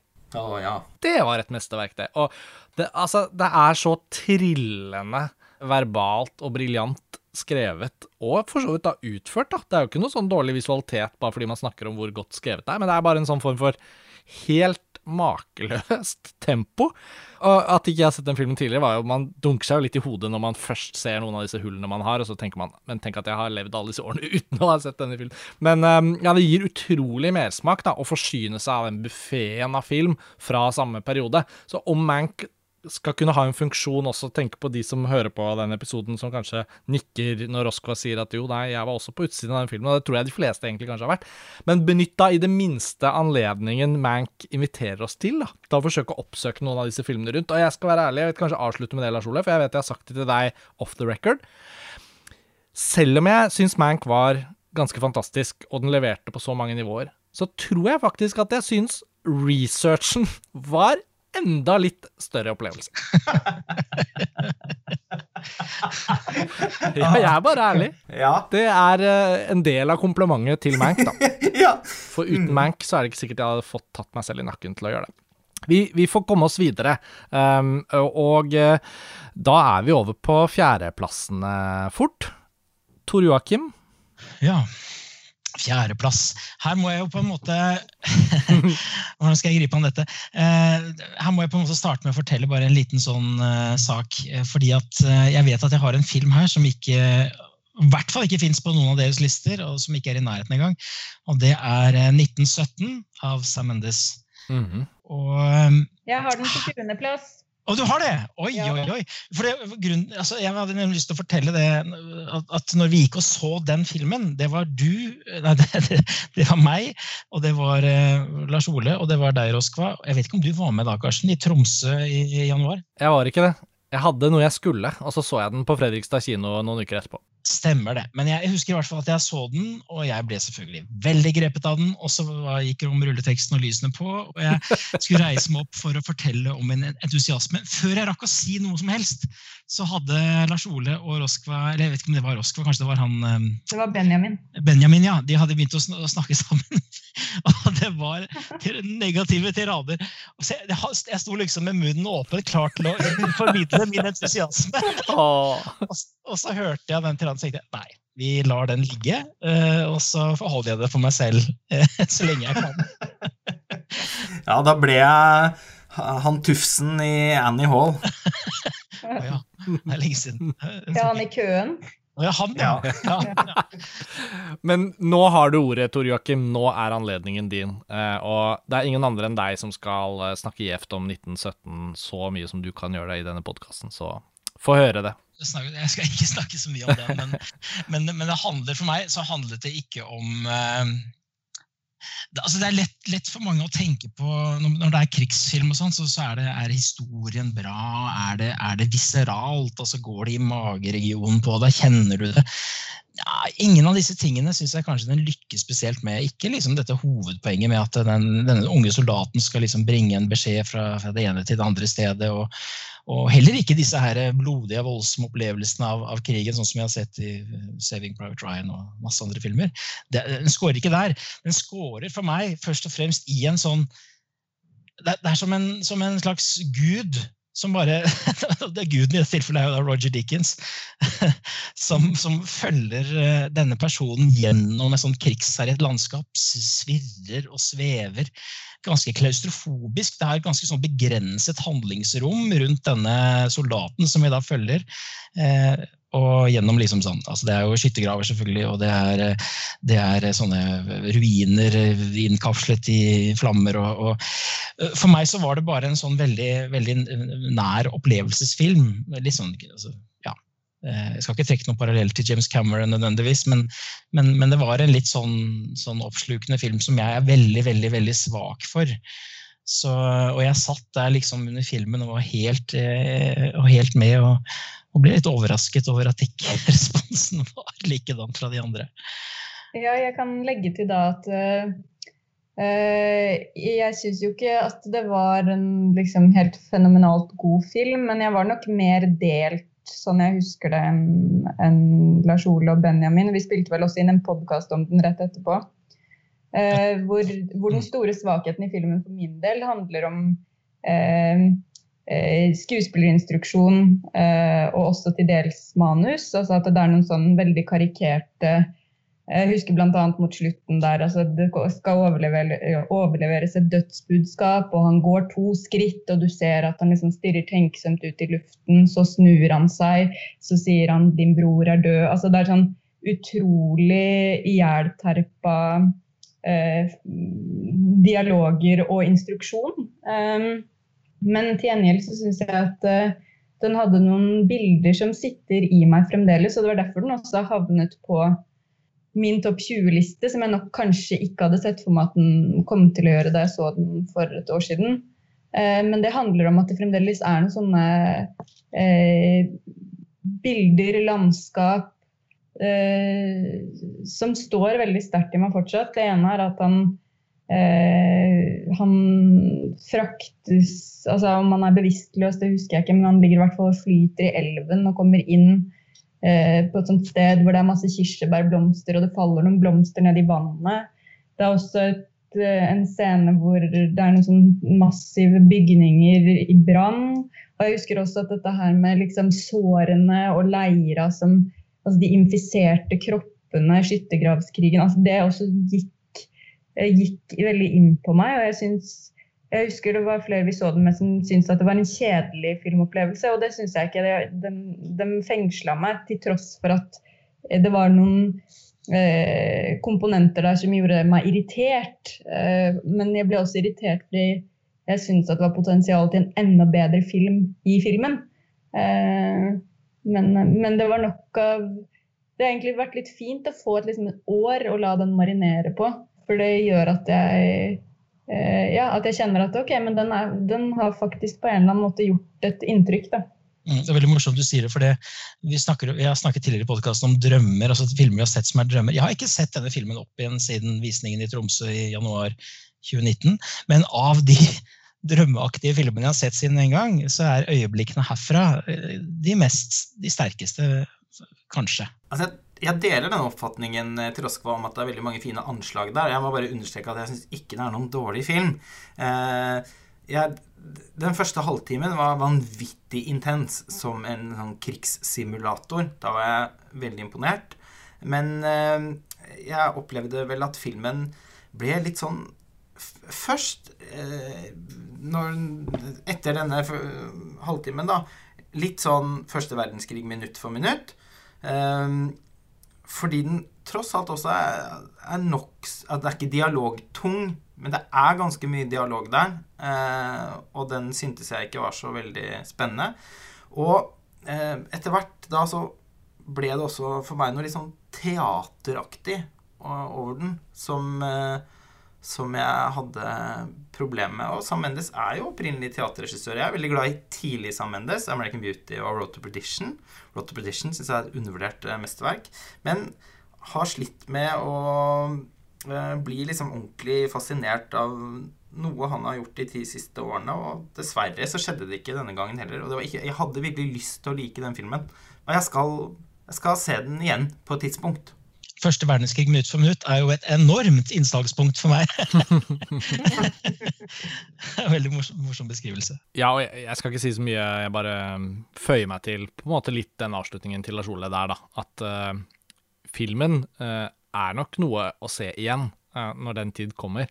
Um, men jeg var nok ganske enig i den sammenligningen der også, og følte at det på mange måter etter hvert ble en film som slet litt ut sin egen gimmick, da. Og det er jo en litt gjelslitt uh, måte å beskrive det på, for det har vi jo sagt om andre filmer til. Jeg minnes denne uh, En natt i Berlin, da. Victoria.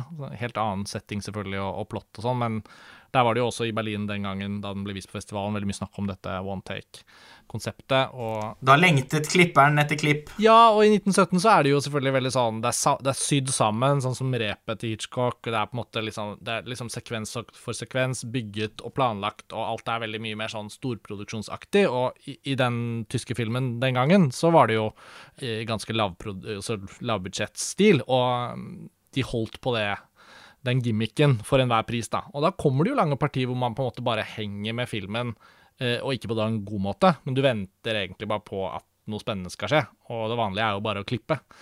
og, eh, og, det er jo ikke noe jeg sier bare fordi klipping er så spesielt eh, viktig for meg, men det er jo rett og slett sånn at man har satt seg der for å se det man skal se. Og det er rart å si det, men det er nok litt den samme effekten jeg føler at uansett hva filmen kunne finne på, så blir man så bevisst på at den insisterer på at ikke det skal være noen klipp, på en måte. Og dermed insisterer den på en form for sånn herre tidsobjektivitet, nesten, da. At du, det filmen fratar litt publikums mulighet til å oppleve noe av tiden i filmen på sin egen måte. Altså, det er litt som at filmen mister noe personlighet for meg som publikummer, fordi jeg ikke kan gjøre noe med den. Det er som om den er liksom altså, hermetisert til å være akkurat sånn den er. Mm. Og dermed så mister jeg noe å henge meg på, da. Så da blir den simulatoren mer og mer uh, repetitiv, på en måte. Jeg, jeg, kan jo bare skyte inn for å finne en slags, slags uh, diplomatisk mellomgrunn her. Så kan jeg jo si det at, at uh, They Shall Not Grow Old og Peter Jackson syns jeg er en enda bedre film enn 1917. bare sånn, Hvis du skal ta første verdenskrigsfilmer og sammenligne dem, som mm, ja. uten sammenligning for øvrig, en dokumentar og en fiksjon, men allikevel, det var nok en enda sterkere film for meg. den den Peter Jackson-filmen. Og der vet jeg at, eh, at, Lars Ole er enig med meg, for eksempel, og, og, du kanskje også, Karsten. Ja, når det kommer til første verdenskrig, så var jo den typen simulator som, som tar noe helt uh, autentisk og puster liv i det med filmspråklige virkemidler på en helt spesiell måte, føltes veldig sterkt. Mm. Uh, og selv om det var veldig mye gimmick-snakk rundt hva han hadde gjort med bildene der, så var det jo faktisk hva som var gjort med lyden, som i bunn og grunn til slutt nesten var det mest fascinerende der. Altså at han hadde rett og slett alle disse autentiske stemmene som var blitt intervjuet av BBC en eller annen gang på 60-tallet, eller hva det var, og disse gamle opptakene var blitt funnet frem igjen. Og så var disse gamle, ihjelslitte bildene på modernisert på en måte som faktisk fungerte. da. Det var veldig fascinerende, jeg husker. Mm. Eh, men man kunne sikkert hatt en litt sånn første verdenskrigsfestival. Og øh, hvilke filmer skulle da vært med? Altså, jeg minnes den der langvarige forlovelse som ikke så dum, til Jean-Pierre Jeunet? Den uh, syns jeg er eh, undervurdert. Paths of Glory er jo første verdenskrig, er den ikke? Ja, ja. Stanley Kubrick. Ja. Den er heldigvis ikke undervurdert, i hvert fall. Nei, den er ikke Nei. undervurdert.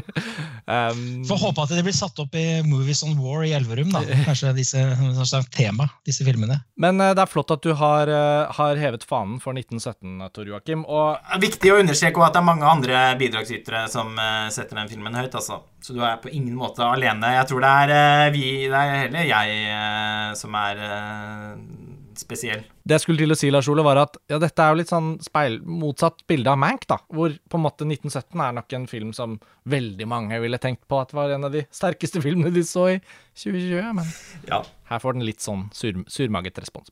Ok, vi glir naturlig videre til Roscas fjerdeplass. Og det tror jeg kanskje er en film vi skal spare noen plasser til. Det tror jeg. Ja. Eh, det, men jeg kan jo kort si at det er Terence Malicks uh, A Hidden Life. Jepp. Og da kommer vi tilbake til den mot slutten av episoden. Mm. Eh, Lars Ole, skal vi gå til din fjerdeplass? ja, det var Soul. Nettopp. Så Eller her Sjel. Nå går det fort unna. Da er vi plutselig ved meg. Og min fjerdeplass, det er First Cow. Så Tor Joakim, Ja, da har vi gått runden, og vi er tilbake hos deg igjen. ja. Og du sa jo at Sjel var på tredjeplass, men du sa det var på en delt tredjeplass. Så da er vi jo veldig spent på hvilken annen film det er som For det er ikke Wolfwalkers. Ja, det var veldig morsomt, fordi at eh, jeg hadde jo ikke tenkt det skulle komme jeg, hadde, jeg var ferdig med min liste 27.12.2020. Hadde ikke tenkt det skulle komme noen flere på den lista. Så så jeg jo Sjel, da. Så måtte den inn. Og da fant jeg ut at den beste stedet den kunne gå inn, det var på en eh, tredjeplass. Men jeg sliter jo med selvfølgelig å forene det med den filmen den deler plassen med. Som jo er Richard Stanleys 'Color Out of Space', av alle ting. Det, Colorado Space den har jeg skrevet en omtale om. Jeg trenger ikke snakke mye om den. Men eh, jeg har fulgt Richard Stanleys karriere siden 90-tallet. Jeg var dypt forelsket i hans film 'Hardware', science fiction-film 'Hardware' fra 1990, som var en slags ja, Det er jo litt sånn Terminator 2-preg over den. Eh, sånne støvete postapokalyptiske fremtid. Så han hadde en veldig flott og fantastisk visualitet. Også Dust Devils, som han gjorde på samme tid. Og så går det litt skeis for han etter hvert. Spesielt da etter denne filmen eh, The Iron of Dr. Moreau med Marlon Brando, som kanskje noen husker fra 90-tallet. Hvor han ble delvis eh, erstattet av en annen regissør. Og så har han vært borte fra registolen i 23 år. Før han kommer tilbake da i strengt tatt jeg vet ikke om var det 20, ja det var egentlig 2019, da, men den fikk liksom sånn bred distribusjon i 2020 med da denne science fiction-filmen 'Colorado Space' med Nicholas Cage, blant annet. Som altså er en så crazy bananas film. Eh, Jeg har satt den sammen med Sjel, for det jeg å si at ja, Hvis Sjel er en slags durart av eh, visuell oppfinnsomhet og tematisk oppfinnsomhet, så er kanskje da eh, Colorado Space en målversjon. Eller en sånn rar septimakkord, eller noe sånt, kanskje. Fordi det er altså en, en veldig sånn fullsanselig opplevelse om, et, om en meteor som faller i hagen til en eh, familie langt ut, som driver en lamagård ute på landsbygda et sted. Og så, har den, eh, så fører det til visse ja, så eh, forgrener det seg inn, inn i jorden og inn i menneskene rundt, og, og de blir galere og galere og galere. Og um, han sjonglerer liksom bodyhorror og gotisk horror, og uh, når du forventer at det skal bli en monsterfilm, så blir det bare en sånn abstrakt, metafysisk science fiction-film. Og det er altså bare, som jeg skriver, det er et sånn totalt frislipp av ideer og hemninger som Richard Stanley da kanaliserer inn i denne filmen etter å ha vært borte i et, over to tiår. Eh, Så eh, den filmen den tok meg på senga. Den fikk ingen eh, kinodistribusjon i Norge, så vidt jeg er kjent, men den ble jo da eh, vist på diverse strømmeplattformer. Og eh, utvilsomt topp tre-film for meg, altså. Mhm. Ja, og du har jo da skrevet om den, som du sier, på montasje, og det er en veldig overbevisende omtale. Jeg har, eh, jeg har til og med Jeg tror jeg har den faktisk i en handlekurv. uh, den Blu-rayen. Jeg, jeg, jeg, venter nok til den typ er sånn 50 kroner, men uh, da tar jeg sikte på å, å kjøpe den og, og, og, se den. Og det er jo Vi skal ikke starte hele Nicholas Cage-samtalen nå, men hva i alle dager slags valg han har tatt de siste fire, fem, seks, syv årene av film? Eh, Mandy var jo en annen sånn Nicholas Cage-film som var sånn syretrippete. og og han øh, Følger du med på alt det som skjer der, i underverdenen av Nicholas Cage-filmer? Nei, jeg gjør ikke det, men altså, jeg var jo veldig begeistret for Mandy også, som selvfølgelig er beslektet med denne filmen. Mm. Så, så, nei, jeg, jeg, følger ikke med på han spesielt, men han er jo en Han velger jo interessante prosjekter plutselig, da, tenker jeg da. Innimellom. Ja, det høres i hvert fall ut som at han ved hjelp av å være Nicholas Cage kan få noen filmer laget, da. Og her har han jo åpenbart uh, vært med på en eller annen måte i en helhetspakke som har gjort at uh, Stanley har fått forløst en film omsider, da. Mm. Så det er veld, veldig kult at du har den så høyt, da. Det er jo et Det er ikke alltid man har samme smak, men jeg tar det jo veldig på alvor, og det vet jeg Lars Ole også gjør, når du, når du løfter noe frem. Ja, men jeg forventer ikke at dere skal Det er samme som med, med Relic, som vi snakket om tidligere. Jeg forventer ikke at dere skal like den like godt som meg, men, men jeg, jeg, liker å løfte frem de filmene som uh, som, som, er så sterkt visuelt. da. Ja, nei, Jeg tenker på det som en kjempekvalitet, det er at vi ikke ender opp med alle de samme plasseringene. og Det tror jeg også har vært eh, tradisjonen for lytterne når de hører denne tradisjonsrike podkasten. At eh, det blir stor spenning rundt hva det er som kommer fra, inn fra venstre. Um, tredjeplass eh, Roskva. Ja, apropos kontroversielle valg, så er tredjeplass Tennet ikke spesielt kontroversielt, med andre ord. Den er ganske høyt oppe hos dere også. Ikke hos meg, ikke, ikke hos meg men Nei, eh, ikke hos deg. Vi, vi, nærmer oss jo og Tennet. Vi kan kanskje vente litt med den, og så Jeg tenker at vi kanskje ikke trenger å si så mye mer om Tennet. Vi har jo laget en lang podkast-episode om den. Roskva har skrevet uh, et strålende essay om den. Og det er vel for uh, leserne og lytterne våre nå ganske åpenbart at Tennet er bedre likt eh, hos mange i montasje enn resten av verden? Nei, altså Jeg er enig med deg, Lars Ole, så kanskje vi egentlig gjør oss unna med Tennet nå, da. Det, det, jeg tror også det er en slags tradisjon at når vi nærmer oss toppen av listene våre, så kommer vi også til en del filmer som vi da har endt opp med å dekke såpass grundig på montasje at det føles litt vel repetitivt å ta hele runden om igjen. Så, så den er min andreplass også, som sagt, og, og jeg tenker kanskje at vi da rett og slett for bare henvise lytterne da, til ikke minst det essayet til Roskva, som er den siste tingen som ble publisert om Tennet på montasje, og, og omtalen til Tor Joakim og podkastepisoden. Der, der er vi jo innom veldig mye av det som, som gjaldt fra våre observasjoner. Og så tenker jeg jo at hvis vi skulle si noe nå, så tenker jeg vel bare kort fortalt at det er jo interessant at Tennet ble den ene blockbusteren, nesten, som kom på kino midt under pandemien fordi Christopher Nolan bare insisterte på at det skulle skje. Mm. Og um, det tror jeg faktisk kommer til å høre til den filmen når uh, årene går og kanskje kinokulturen returnerer til en slags normal. Så vil man se tilbake på Tenet og, og tenke på at det var faktisk da en av de få sånn storfilmopplevelsene som publikum rundt omkring i verden egentlig hadde uh, i andre halvdel av 2020.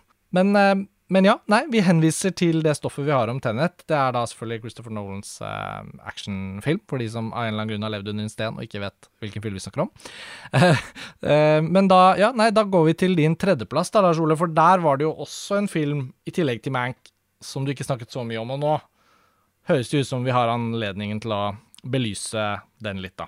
Ja, jeg har jo da også skrevet en lang omtale av On the Rocks, så jeg trenger jo egentlig ikke å, å si så mye om, om, om den. Men eh, årsaken til at den deler da plasseringen med Mac, er at den på sin måte minnet meg veldig mye om mange av de tingene jeg setter pris på med filmer fra Hollywoods gullalder, og særlig kanskje screwball-komediene. Altså, den har litt sånn enkel intrige, litt sånn karikert typegalleri, kvikke one-linere, eh, og, og er, er, veldig sånn tung på Eh, på stemning. Og Sofia Coppola er eh, av alle amerikanske filmskapere som har vært aktive de siste 20 årene, så er hun kanskje den som har vært aller viktigst for meg, eh, rett og slett. Og min fandom er urokkelig, på en måte. Jeg var ganske skuffa over den forrige filmen hennes, The Beguiled, og det var veldig tungt for meg.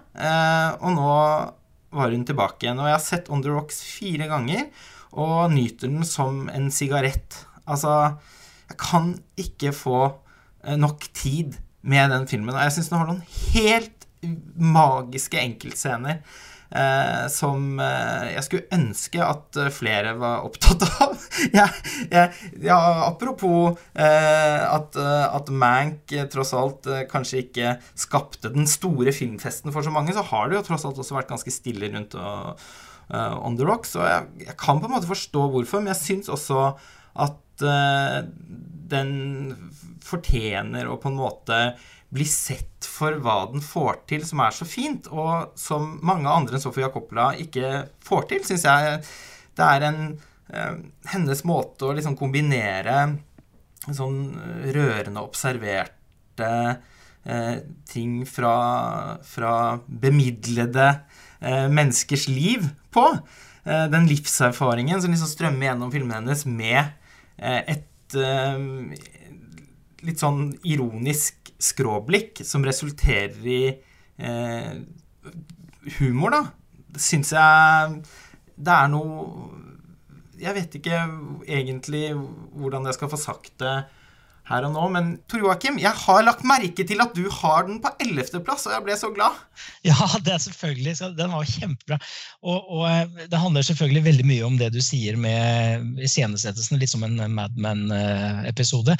Men jeg har, syns også, og dette må, du ikke skyte meg når jeg sier det, men jeg syns faktisk også den har litt Chris Columbus, hvis du trekker fra 90 eh, retorisk melodrama, så har den litt av den, den nydelige, vare eh, beskrivelsen av forholdet mellom eh, en familie eller noen mennesker. Jeg tenker på stepmom og sånn, eh, for eksempel, hvor, han, hvor jeg gjør litt det samme. Men jeg vet ikke om den jeg syns den parallellen var helt håpløs. men... Eh, Altså, Det er ikke et vondt ord om Chris Columbus eh, fra meg, bare så det er sagt. Jeg er veldig glad i filmene hans.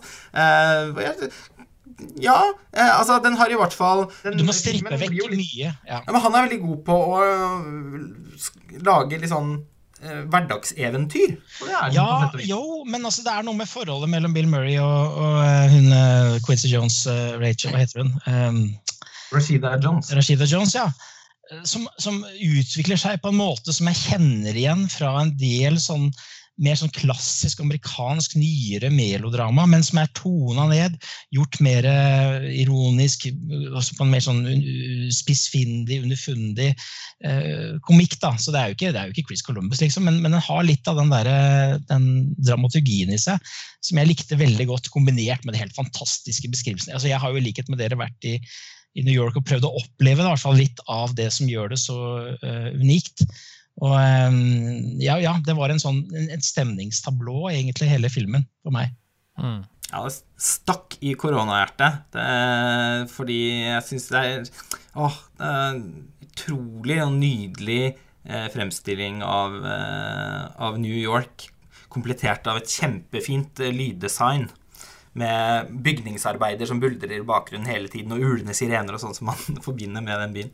Jeg syns at On The Rocks er en av de filmene som kanskje har uh, lidd litt ordentlig av at det er pandemi, da. Uh, for den uh, Jeg så den her hjemme og gjorde alt jeg kunne for å lene meg inn i filmen. Og skjenket meg en gin tonic i forkant, inspirert av Lars Oles omtale. Og, og likte selvfølgelig filmen fordi den er god. Men beruselsen uteble. Altså, jeg vet ikke engang om det er noen spesielt feil filmen gjør. Og det er derfor jeg sammenligner det litt med at vi lever i en tid hvor noe av det vi vanligvis ville hatt kollektive opplevelser av, går liksom litt sånn tapt. Og jeg opplever den som en veldig sånn skjønn film. Og gjerne når man ser de sammen på kino, eller har den derre veldig sånn sosiale hva skal vi si, konteksten å oppleve en sånn film i, så, så, så, så stiger de. Og, og, det gjør de fortjent, fordi de, de oppmuntrer oss til å være litt varmere og litt bedre med hverandre. Og hun mistenker jo så mye gjennom filmen, og jeg syns der den lander, også gjennom hvordan faren hennes, som sikkert ikke har vært den beste faren, kommer inn og bare er en kul fyr, da. Og noen ganger så er kanskje det nok. At noen, noen som kanskje ikke alltid har vært den beste, likevel bestemmer seg for at vi trenger ikke snakke om alt som skjedde i fjor. La oss bare ha det litt gøy sammen. Og den siden av filmen har jeg på en måte i store trekk egentlig bare tenkt på. Det blir jo litt sånn stille og kaldt når man skal ha sånne individuelle filmopplevelser så mange på rad, som har vært gjeldende i 2020, da. Så i den grad um, man kan elske filmmediet for at det aldri forsvinner, altså teateropplevelser kan man jo ikke gå tilbake og oppleve om igjen, men en film vil alltid være der, og jeg har et håp om å få et enda nærere forhold til On The Rocks med tiden enn jeg klarte å få på egen hånd med den filmen i høst. Jeg var også veldig velvillig innstilt, uh, hovedsakelig kanskje pga. Lars Olis veldig gode omtale av filmen, som ga meg veldig lyst til å se den. Men uh, jeg syns at den har noen svakheter som på en måte er så påtagelige at jeg ikke klarer å overse dem. Blant annet relasjonen mellom karakteren til Rashida Jones og ektemannen. Altså både En ting er skildringen av avstanden mellom dem. Det kan kanskje forsvare at, at han liksom spiller litt sånn stivt og keitete. At kanskje er det instruksjonen, ikke skuespillet, fordi det skal være litt sånn som det er i hennes forestillingsverden. Men jeg syns også etter Mm. Etter at den forløsningen på en måte skjer, da, så syns jeg fremdeles at det bare er det, det, jeg føler at eh, filmen prøver å fortelle meg at er et varmt øyeblikk, føles bare som enda mer av det rare, kalde, stive. Altså sånn, den forløsningen og den varmen som dere snakker om Jeg, det, jeg opplevde ikke at det var så veldig mye varme i den filmen. At den insisterte mer på å være varm, enn at den faktisk var det. da på en eller annen måte. Nei, altså Jeg kan egentlig skjønne hva du sikter til, fordi det er jo også noe litt sånn konstruert uh, ved filmens intrige. Uh, som igjen har noe sånn uh, gammeldags Hollywood-film over seg, som jeg liker. Men det som blir en sånn Som blir varmt, på en måte, da, syns jeg, er at jeg føler veldig på at far og datter når de får tilbringe tid sammen i den filmen, egentlig står hverandre nærere enn de skjønner selv. Fordi jeg syns de har en oppriktig kjemi. Altså, jeg føler at jeg merker at de eh, De burde liksom tilbringe mer tid med hverandre. Og jeg liker godt at filmen ikke sier det så tydelig da, underveis. Jeg syns det klarer å vokse veldig sånn fint gjennom filmen. Og det inntreffer en, en, scene mot slutten hvor hun da med god grunn er veldig irritert på Felix, som han heter. Og så responderer han åh, du pleier liksom å være så morsom å være sammen med. Og så er det så innmari trist, eh, hennes reaksjon, fordi det er en så urimelig liksom, ting å si eh, i den situasjonen som hun er i. Samtidig som jeg tror hun skjønner veldig godt hva han egentlig mener. Mm. og det skjønner jeg òg når jeg ser filmen. Uh, og så får det lov til å lande litt sånn fint til slutt, uh, uten at det blir sånn Ja, altså jeg syns kanskje ikke det liksom er insisterende, da. Jeg syns det, det blir mer noe jeg fornemmer. Og da handler det kanskje òg litt om at jeg dikter videre på filmen og blir en veldig sånn aktiv meddikter underveis. Og det kan ha noe med mitt forhold til Sofia Coppola å gjøre, naturligvis, da. Uh, og det er jo ikke en kritikerdyd, akkurat, å, å tillegge en film egenskaper den kanskje egentlig ikke har. Men uh, uh, jeg fant veldig mye der, og har fortsatt å gjøre det for, for hvert gjensyn. Det er rett og slett en film jeg har blitt skikkelig glad i, og som, eh, og, og som jeg liker å tilbringe tid i. Mm. liker å sette meg ned ved baren og ta en drink sammen med, eh, med, med hovedpersonene. Men jeg syns det ble en fin måte å oppsummere da, verdien av denne filmen på. Som sagt så bare krysser jeg fingrene for at den vil være der og, og by på seg selv igjen i fremtiden. Jeg, jeg, håper, jeg håper det blir rom for flere drinker eh, under visningen neste gang men, noe, altså, jeg blir, men jeg syns jo det er interessant uh, å få høre litt mer, egentlig, Roskva. Altså, var det noen andre ting òg som du Noen andre svakheter da, som du Jeg bare Nå så jeg jo den, jeg har jo bare sett den én gang. Eh, så jeg har ikke kanskje egentlig så mange spesifikke eksempler å komme med. Det er mer det at eh, den diktningen du forteller at du blir sittende og gjøre etter at rulleteksten eh, glir over skjermen, den Jeg føler aldri på noe tidspunkt at dette er en film som handler om mennesker jeg tror på at fins. Og det, det, har kanskje med, som du sier, at det er en sånn type eh, letthet, sånn eh, Hollywoods gullalderaktig florlett dialog. Men, men, men, samtidig, jeg tror ikke det har med det å gjøre, for jeg kan jo like den type film, jeg også. Eh, mm. Men, men, jeg syns det er noe sånn flatt og dødt. Og én ting er kjemien mellom det paret, men jeg syns også faktisk mellom far og datter at jeg tror aldri på noe tidspunkt på at det er en far og en datter. Jeg, jeg syns Bill Murray gjør en god jobb. Jeg syns det er akkurat som å sitte og se han på en måte ha det gøy på jobb. Og så syns jeg liksom egentlig aldri hun, eh, eller kjemien mellom dem, eh, blir til noe annet enn ord. Da. Altså, jeg, jeg får ikke noen sånn følelse av eh, Det er en liksom sånn mangel på stemning, kanskje. Altså, jeg kan forstå det du sier med bybildet og, og sånn, men for meg så blir det også hult på en, en, eller annen måte. Jeg skulle gjerne liksom hatt flere konkrete eksempler, men det var bare en sånn følelse av at filmen var liksom tom. Og at at jeg ikke følte at det var mennesker av eh, kjøtt og blod. At jeg ikke syntes at det var godt nok skrevet til at det var spennende bare å følge med på dialogen som dialog heller. Så den ble liksom verken fugl eller fisk for meg på en eller annen måte. Jeg tror jo, eller jeg har fått inntrykk av at mange har hatt en lignende opplevelse, da. Så, eh, men, og det er jo egentlig også en litt vanlig respons i møte med Coppola sine filmer. Altså 'Somewhere', for eksempel òg, eh, er det jo mange som syns at er tomheten den forsøker å framstille. Mm. Ja, den har jeg ikke sett. Og The Bling Ring uh, Ja, men der er det liksom så tematisert òg, på en eller annen måte. Sammen med Lost in Translation. Ja, ikke sant. Begge de to filmene tematiserer jo en hulhet, mens mens On The Rocks på en eller annen måte også skal si noe om noe relasjonelt og varmt, og ikke bare om en kald samtid. Og da, da faller det litt sammen på meg. Ja, og de tidlige filmene er jo veldig altså, inspirert av europeisk modernistisk film. Mens uh, On The Rocks jo er, veld, er, en veldig amerikansk film. Og uh, staker jo litt ut en slags ny kurs i, i filmografien hennes. Så Eh, sånn sett så er den jo selvfølgelig også mm, Den skiller seg også på en del områder fra tidligere ting hun har gjort, da. Mm. Skal vi da gå videre til det som da vel blir min tredjeplass? Der har jeg det som jeg mener var den beste norske filmen i 2020. Dag Johan Haugeruds 'Lyset fra sjokoladefabrikken'.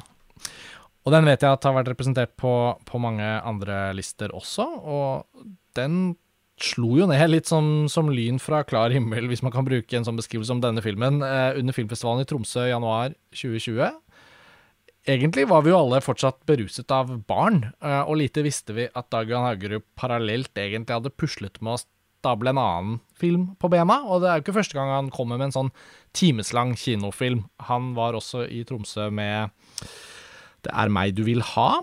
Det er jo begynner å bli noen år siden. Det var vel 2014, var det det? Og Lyset fra sjokoladefabrikken er resultatet av et litt sånt fantastisk tilfelle hvor filmen ikke er um, forankret i store budsjetter eller forventninger. Det var nesten ingen som visste at den ble laget engang. Og den er et nært samarbeid med fotografen da, Cecilie Semek, som uh, har ønsket å forske i den lange tagningen, egentlig som en del av sitt forskningsarbeid på Den norske filmskolen. Og så hadde Dag Jan Haugerud begynt å skrive på et manus, og så utviklet de filmen sammen. Og i nært samarbeid med skuespillerne Andrea Brein Håvig og Henriette Stenstrup, kanskje særlig, da. Det er jo flere som gjør minneverdige rolleprestasjoner her. men den har rett og slett bare stått seg veldig gjennom året, og ble jo da programmert på NRKs nettspiller, NRK TV, under koronaen. Den gikk på kino litt i februar etter Filmfestivalen Tromsø. Og så er den jo da på NRK nett-TV og tilgjengelig åpent for alle. Så dette er en film kanskje også mange av leserne og lytterne våre faktisk har sett.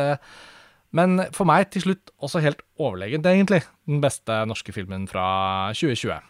Mm. Ja, jeg har jo skrevet om den eh, sammen med Benjamin Jastan rett etter at vi så den i Tromsø. og det var også Jeg kan egentlig bare skrive under på det du sier. at eh, Jeg syns det var en veldig, veldig god film. Og den er på mange måter min, altså det er en mye mindre eller enklere film, kan man kanskje si, enn en Barn. altså den er skutt veldig sånn enkelt, og den er lagd uten budsjett.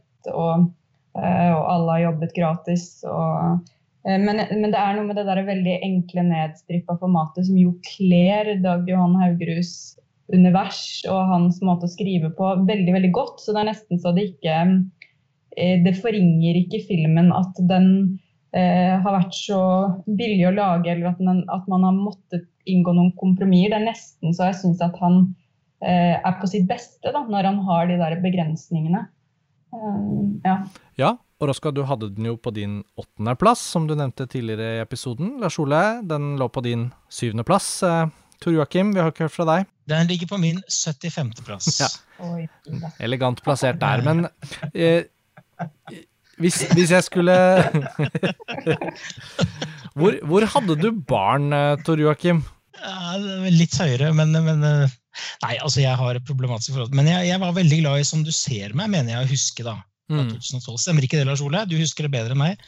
Uh, jeg husker det i hvert fall som den ene Dag Johan Haugerud-filmen du har uh, vært begeistra for. Jeg hadde i hvert fall Dag Johan Haugeruds Barn på femteplass i fjor, og hadde ikke forventet at en ny film skulle komme så fort fra ham, og heller ikke forventet nødvendigvis, da jeg så at han hadde en 60 minutter lang film, eller kanskje kortere, klar for TIFF i fjor. Men noe av det jeg i hvert fall jeg syns Lyset fra sjokoladefabrikken virkelig får til. Og det er ikke noen sånn spøk at jeg har den på tredjeplass heller. Når jeg tenker på den filmen, så handler det jo vel så mye om egentlig hvor mye den faktisk rommer. Selv om den i all sin enkelhet, som du beskriver, Roskva, er en, på en måte en liten film. Eh, jeg syns den er et eksempel på en helt sånn spesiell kvalitet som oppstår i og Det er ikke så, nødvendigvis et så elliptisk grep her. Det er det litt, men det er litt annerledes. For det er jo på en måte lange scener hvor det er liksom ubrutte eh, kontinuiteter.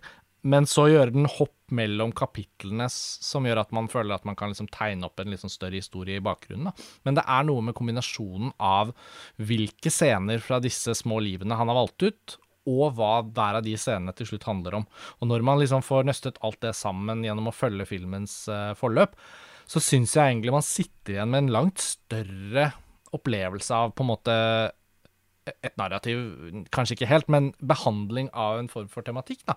Og disse moralske spørsmålene og menneskets litt sånn iboende tvil i møte med ting de kanskje ikke helt har gjort på en riktig måte, det er jo en forlengelse av det som også skjedde i Barn, selv om de er litt ganske forskjellige produksjoner. Så syns jeg den forskningen han driver med i hvem vi er og hvem vi blir, i hvordan vi ser oss selv i andres forventninger, og hva man tror noen trenger å vite om det og det, og søke råd hos andre mennesker, og så ikke få høre helt det du forventer. Godeste Gritt, eh, eller Birgitte Larsen, dukker jo opp i en meget minneverdig liten birolle her i den, det kapitlet som utspiller seg der ved, ved sjokoladefabrikken, da. Og det er så mange sånne små høydepunkter uh, underveis i denne filmen at desto mer jeg tenkte på den i listearbeidet nå gjennom romjulen og rett etter nyttår, så slo det meg bare at den kunne ikke være så veldig mye lavere, egentlig. For jeg opplever, i hvert fall per i dag, at den, den egentlig er en av de filmene jeg har mest glede av å tenke på fra året som gikk. Ja, og så syns jeg også med barn at noe av det mest interessante der er jo eh, hvor utrolig god Dag Johan Haugerud er på å fange hvordan mennesker eh, bruker veldig mye språk på å snakke seg rundt det de egentlig snakker om. Mm. Altså sånn, det er ikke det at de er ordknappe, som man ofte kan se på norsk film, de, er, de har et veldig sånn, velutvikla vokabular, og de har veldig mye på hjertet, mye de skulle ha sagt. Men, men de bruker språket veldig ofte til å liksom sirkle seg rundt noe, komme seg unna noe framfor å komme til kjernen. Uh, og det ser man jo i barn også. men jeg tror det er noe med det der veldig enkle, nedstrippa formatet i 'Lys fra sjokoladefabrikken' som gjør at all oppmerksomheten vår uh, rettes mot måten disse personene snakker på. Eller veldig mye oppmerksomhet vår gjør i hvert fall det. Mm. Uh, og det er jo det jeg liker aller best ved hans filmer. ikke sant? Så du får på en måte den der, det stedet i kunstnerskapet hans som i hvert fall for meg er det stedet jeg liksom blir sittende og oppholde meg og reflektere over og uh, har lyst til å undersøke etter å ha sett filmen, får lyst til å se den på nytt. Altså sånn, Det, det rendyrkes her, da. Eh, og får på en måte spille hovedrollen. Uh, det syns jeg funker veldig bra. Ja, det er, litt, det er liksom en enda tydeligere film om hvordan vi mennesker møter andre med språket først. Og at ordene ja, kaster seg ut i det, og ikke alltid lander sånn som eh, vi har tenkt. Og, mens andre ganger akkurat sånn som vi har planlagt. F.eks. For, for å på, på en strategisk måte ta styringen over en historie eller en samtale. Uh, og, og, så er det ikke bare ordene i seg selv, men også måten vi uttaler dem på. Intonasjon, rytme, klang. Alt som kan eh, definere veldig hvordan vi oppfatter noe noen andre sier. Og, og rekkefølgen det blir lagt fram på, uh, kan ha mye å si. Og, og, på den måten så ligner jo språket også mye på musikk, som jo er et viktig motiv i, i filmen. Og alt det er liksom veldig sånn fint ja, kommunisert, rett og slett, i, i lyset fra sjokoladefabrikken. Og så er den jo også helt vanvittig morsom, da, fra Birgitte Larsens episk syntaks i Bergmanns filmer til Andrea Brein Håvig, som spør den mest sosionom- og bibliotekaraktige av alle norske skuespillere, Andrine Sæther, hvorfor er du opp, så opptatt av revy? ja, det er minneverdig. Og det er jo også noe med den scenen med hun pianisten Liv Glaser som spiller seg selv, hvor Henriette Stenstrups karakter kommer for å få litt hjelp til et innlegg hun skal holde om musikk og moral. Og, og, og, og hun, får jo, hun får jo veldig god hjelp, men hun innser vel også at hun vil aldri kunne legge det fram sånn som Liv Glaser legger det fram, ved å sitte der ved pianoet og på en måte forklare og, og bare sånn, helt sånn med den største selvfølgelighet uh, spille litt fra et Ravel-stykke og bare ja, uh, legge fram sine tanker rundt uh, problemstillingen. Og, og, den scenen er jo en sånn, sånn, nøkkelscene i seg selv. Jeg føler egentlig hele filmen opplever jeg nesten som det perfekte destillatet av alt det Dagan Haugerud gjør i alle korte og lange filmer han har laget, egentlig. da. Og i, i forbindelse med at jeg skulle intervjue han på filmfestivalen i Tromsø da han hadde denne filmen med, så så tok jeg faktisk og benyttet anledningen til å starte med de første kortfilmene og bare se meg gjennom alle de. Um, jeg så ikke Som du ser meg og Barn om igjen den gangen. Da hadde jeg begge ganske ferskt i minne. Men nå opplever jeg at Som du ser meg er nok den Dagan Haugerud-filmen jeg har mest lyst til å sette på en dag. Fordi det har begynt å bli ganske mange år siden um, den eh, kom, da. Og uh, filmografien hans nå har jo faktisk est ut til å bli virkelig markant. Altså, jeg vet at vi har sagt det før, og det hadde holdt med 'Som du ser meg' og 'Barn', på en måte, men det er som om lyset fra sjokoladefabrikken, og for så vidt også 'Det er meg du vil ha', som er noe ganske annet igjen, men liksom, de er med å liksom fylle ut et bilde av et, et, skikk, et virkelig et prosjekt, da. Uh, så nå håper jeg bare at det fortsetter sånn at han, han triller ut noen flere av disse filmene med, med ganske raskt tempo. For det, det ga virkelig mersmak. Eh, eh, og derfor har jeg den også så høyt, da. For jeg bare kommer ikke unna hvor, hvor, mye, den, hvor mye, den, har, og hvor, hvor, godt jeg liker den, rett og slett. Så ja. Utrolig rørende, den scenen med Liv Glaser. Du beskriver det veldig fint, Roskva, i den dialogartikkelen med Benjamin. Ja, jeg har en liten sånn ekstra kategori på lista mi i år, som er liksom minneverdige bilder eller scener som kan være fra toppteam, men også fra andre steder. Og der kommer den scenen høyt opp. Mm. Uh, utrolig fint. Ja.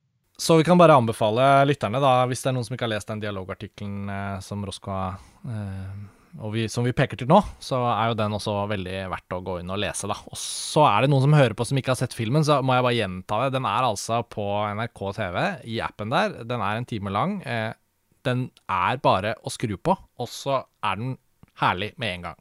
Så da er vi helt oppe i toppsjiktet. Og Tor Joakim, eh, din eh, andreplass er jo da eh, førsteplass hos oss andre. Så nå, nå, er det jo liksom veldig få filmer igjen, da, så vi får ta, vi får ta de som, som, gjenstår. Men eh, ja, hva er din andreplass? Min andreplass er 'Parasitt' av Bong Yon-ho. Ja, og, og, siden vi andre nå har nevnt at vi har Tennet på andreplass, uh, i hvert fall Lars Ole og jeg, så tenkte jeg at kanskje, um, kanskje vi da skal uh, bare la Parasitt ligge lite grann, og så hoppe videre mm. til Roskvas andreplass, og så kommer vi jo til de gjenstående filmene i rask rekkefølge. Men Roskva, din andreplass, det føles som en av de mer originale titlene som dukker høyt opp her. Så Nå er jeg veldig nysgjerrig. Ja, eh, det er da en dokumentarfilm som heter My Octopus Teacher. Det er min andreplass i år. Kort fortalt så handler det om en eh, fyr, eh, middelaldrende fyr fra Sør-Amerika, nei, Sør-Afrika, som har jobbet hele sitt yrkesliv som filmfotograf. Han har reist over hele verden, filmet mye sånn urbefolkning og, og områder som er uberørt av mennesker. Og, eh, og på en måte brukt hele yrkeslivet sitt på det. Og så får han en slags sånn midtlivskrise som rister sånn ordentlig i grunnvollene hans. Eh, og alt føles tomt og meningsløst. Eh, og han kjenner veldig sterkt på at han, det han egentlig vil, er å reise hjem eh, til dette området sørvest i Sør-Afrika hvor han har vokst opp, og hvor han som barn pleide å snorkle og dykke. Så han reiser egentlig tilbake dit, litt sånn skadeskutt, eh, etter en lengre periode hvor han har vært veldig deprimert. Eh, og så begynner han bare rett og slett å gå ut hver morgen og snorkle eh, i den tareskogen som er like utenfor det huset hvor han har flyttet sammen med kona si og sønnen, vel. Og så, eh, en av de første dagene han er eh, ute og dykker, så oppdager han en blekksprut. Som gjemmer seg på en veldig sånn kreativ måte. Han, han, tror egentlig bare det er en haug med skjell og steiner han ser. En sånn merkelig formasjon på havbunnen. Og så begynner den å bevege seg, og så ser han plutselig at det er en blekksprut som slenger fra seg alle disse eh, flotte steinene og skjellene og piler av gårde. Eh, og så blir han veldig nysgjerrig på den blekkspruten, fordi han har aldri sett Han kan veldig mye om, eh, om eh, ja, livet i havet og har liksom vokst opp nærmest under vann. Men han har aldri sett noe lignende. Så han blir veldig nysgjerrig på denne blekkspruten og vet at de gjerne holder seg til et ganske sånn fast territorium. Så han, han, bestemmer seg for å komme tilbake dagen etter og se etter blekkspruten. Og kort fortalt så blir det sånn at han hver eneste dag så går han ned og dykker ned til det samme området. og blekkspruten har sitt territorium, og han møter henne hver eneste dag. Og han begynner å, å, dokumentere hvordan hun oppfører seg. For hun har en sånn veldig sofistikert måte å kamuflere seg på. Han begynner å skjønne at hun eh, leker med noe småfisk. Og hun har veldig mye sånn atferd som han ikke var klar over, og som er mye mer avansert enn han var klar over at, at eh, blekkspruter har. Men mens, mens han studerer henne, så blir hun også etter hvert nysgjerrig på han. For hvem er dette vesenet som kommer hver eneste dag og på en måte bare er sammen med meg? Eh, hva er det han gjør? Så, så hun blir også gradvis tryggere på han, og det, det, utvikler seg en form for relasjon mellom dem, da, hvor hun eh, etter hvert begynner å komme ut og, og sette seg i hånda hans, og han må være helt rolig, for hvis han beveger seg, så, eh, så blir hun redd og sånn. men jo mer tid som går, jo tryggere blir hun på ham. Og det er helt åpenbart at hun kjenner han igjen. Eh, og hun kan komme og feste seg på kroppen hans helt uten at han på en måte har bedt henne om å gjøre det, eller liksom strukket ut en hånd. Så hun blir veldig trygg på han. Eh, så filmen egentlig bare beskriver den, det året hvor denne dykkeren og denne blekkspruten eh, på en måte går fra å observere hverandre til å bli ja, venner, kan du si. Altså, Tittelen henspiller jo på at han føler at han lærer noe helt sånn vesentlig om det å leve da, av denne blekkspruten. Eh, både i det der med at hun bl.a. Eh, dette at hun er veldig god på å kamuflere seg, dette at hun tilpasser seg eh, omskiftelige, eh, et omskiftelig miljø, nye farer. Men hun er også kjærlig og omsorgsfull. Altså han, han ser vel kanskje et sånt speilbilde på sitt eget liv i henne. At hun har en eller annen sånn eh, overlevelsesevne da, som, som, filmen klarer også å fange på en utrolig poetisk måte uten at den blir Den bruker ikke henne som metafor. Den er egentlig ganske sånn redelig. Det er ikke sånn 'Å, blekkspruten er en metafor på menneskets liv'. Den bare viser livet til denne blekkspruten. Og, over min del så så ble jeg i hvert fall veldig veldig grepet av den blekkspruten som et speil. da, eh, på eh, både på mitt eget liv og på menneskelivet, men på, måte, på hva det vil si at noe er levende i seg selv. Eh, så nei, jeg har ikke grått så mye siden jeg så ET på midten av 90-tallet. ja, men altså, den høres jo helt utrolig fin ut, denne filmen. Eh, jeg har absolutt ikke vært klar over dens eksistens før den var på din liste, og jeg vet også at Lars Ole har eh, sett den. Og det er Netflix-dokumentar, men hvor, hvordan liksom er den som sånn visuell Nei, altså Det var jo derfor jeg var, jeg var, litt i tvil om jeg kunne sette den så høyt. fordi eh, det er klart at det er jo ikke noe det er ikke noe sånn veldig spennende grep her. altså Det er, eh, det er kort fortalt liksom, kryssklipp mellom intervjuer med ja, altså Nå husker jeg jo ikke hva han heter. Craig, eh, Craig Foster. Eh, det kryssklippes mellom intervju med han, eh, hvor han forteller i retrospekt da, om, om, dette møtet og den relasjonen til blekkspruten, og undervannsfoto som han har gjort av henne som en del av sitt uh, dokumenteringsprosjekt. Mm. Uh, før dette var påtenkt som en film. Da. Men det er jo ikke noe tvil om at de bildene han har fanget, er ganske oppsiktsvekkende. Altså, jeg um, har jo aldri sett en blekksprut blir framstilt på den måten. Det kom vel fram av filmen også at en del av de dataene han har samla om henne, nettopp fordi han uh, har vært så grundig, da. han har vært der hver eneste dag, og det er én blekksprut han har studert, så han har også kommet uh, fram til Altså, han har forstått mye om eh, blekksprutarten som man ikke har visst fra før av. Så han har jo også gjort et slags pionerarbeid uh, innen en forskning også. Ja, altså, det er en scene f.eks. hvor blekkspruten eh, ikler seg skjell og, og, tare og sånn som, eh, som om det var klær, og mm. spankulerer bortover ved å eh, gjøre armene sine fulle av sugekopper til bein. Altså, jeg, jeg ante ikke at eh, blekksprut hadde disse egenskapene jeg, det var noe av det mest utrolige for meg i, i møte med filmen. Jeg syns også det var både interessant og gripende, naturligvis, å, å se hvordan denne relasjonen utvikler seg og blir så nær, egentlig.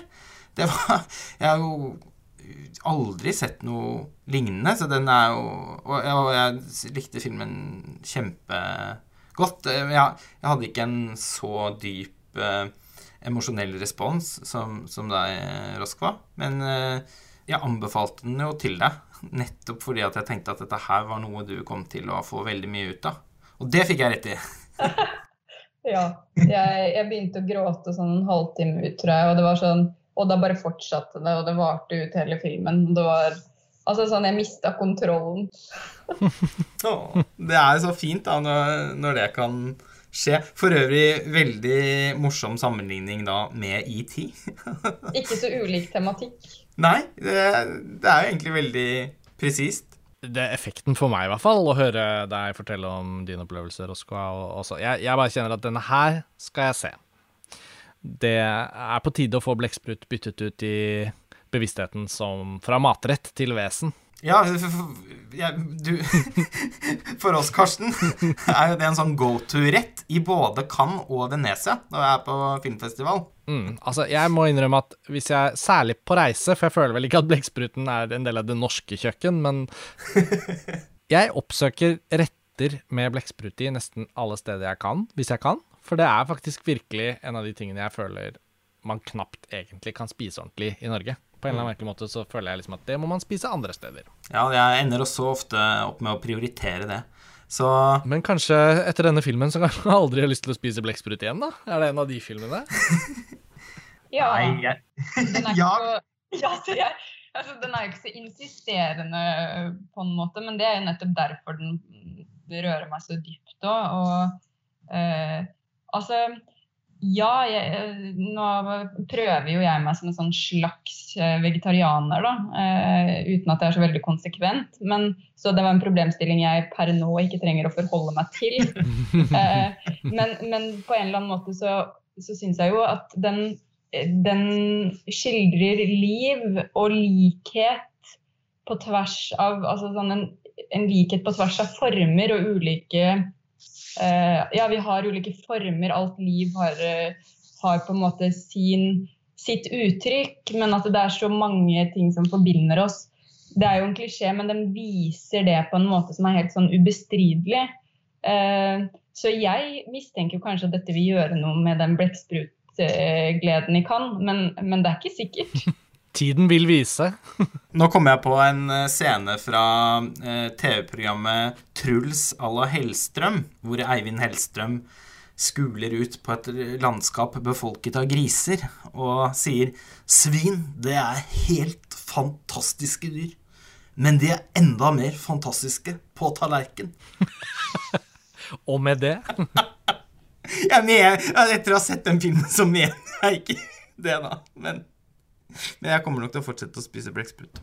Nå er vi jo kommet nesten til veis ende, dere, og dette har blitt en ganske lang episode, som seg hør og bør, når vi har eh, årslistepodkasten. Men som også pleier å være tradisjonen, så går det jo litt raskere mot slutten. Og nå som vi har hatt din andreplass, Roskoa, da skal jeg ta oss raskt videre til eh, Lars Oles andreplass, som er Tenet.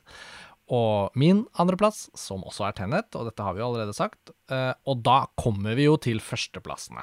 Og som allerede avslørt, så er det jo egentlig bare da to filmer eh, som gjenstår å snakke om. Og passende nok så starter vi jo da, Tor Joakim, med din førsteplass. Og det er jo en film Rosko allerede har nevnt at hun har hatt på sin liste. Ja. Det er jo da altså A Hidden Life av uh, Terence Malick. Jeg er stor Terence Malick-fan, selvfølgelig, som resten av verden. den er sagt. Men det har vært litt sånn opp og ned der også uh, de siste årene med filmer. Den siste gode, virkelig gode filmen som beveget meg, og som engasjerte meg, det var The Tree of Life da, i 2011. Og det er nå plutselig ti år siden, mm. tro det eller ei. Men A Hidden Life den kom som en storm og tok meg. Eh, og jeg mener at det er den beste filmen hans siden nettopp uh, The Tree of Life. Da. Jeg vet at det er en mening som ikke deles av alle i panelet, men, men for meg er den, er den det. Og jeg, jeg, var litt usikker etter at jeg fikk litt sånn negativ feedback fra jeg vet ikke om det var Lars Ole, i hvert fall, så så jeg den opp igjen nå før jul, da, bare for å dobbeltsjekke at jeg ikke hadde liksom totalt misforstått filmen. Så jeg så den opp igjen. Det er en lang, lang lang film. Eh, og ble, igjen ble veldig veldig grepet. Så det var, det var ikke feil. Det første trykket var ikke feil. Dette var en virkelig, virkelig god film. Og eh, det handler jo veldig mye om sted, som jo er et sånt, sånt trekk som jeg er veldig kjent for. At jeg er veldig opptatt av stedenes eh, nærhet. Og eh, Terence Malick er veldig opptatt av sted. Han eh, bruker også ofte signaler eller, eller, bilder fra eh, en annen tid og et annet sted som en slags påminnelse om hvor rollefigurene er nå. Og Det er også på en måte litt tilfellet her. altså Sånn som The New World og The Thin Red Line, så er det uh, pittoreske omgivelser i begge tilfeller, men, men, disse menneskene tenker tilbake på uh, bedre tider. De har en lengsel uh, til noe som da formidles mellom, liksom, gjennom på en måte gardiner og berøringer og drømmende ansikter og close-ups. alt dette her. Eh, I eh, Hidden Life så er det snudd litt på hodet. Her er det omgivelsene som er, som er lengselen. Altså dette, dette, voldsomt flotte, alpine eh, landskapet som tegnes opp. Om ikke folk har sett filmen, så kan jeg jo si at det handler om en sånn østerriksk fjellbonde da, som nekter å la seg verve av nazistene under andre verdenskrig. Så disse alpine omgivelsene blir, blir på en måte den uh, mementoen som, som, går gjennom i hele filmen. Uh, som er uh, så vakker og så nærværende at jeg ble forført gjennom de tre timene den filmen varer omtrent. Eller noe sånt, jeg husker ikke helt lengden på den. Så, og det er mange aspekter ved denne iscenesettelsen som jeg kunne trukket fram. Ikke minst musikken av James Newton Howard som er hans aller beste filmmusikk siden The Village, mener jeg. Eh, og litt i samme gate også som The Village.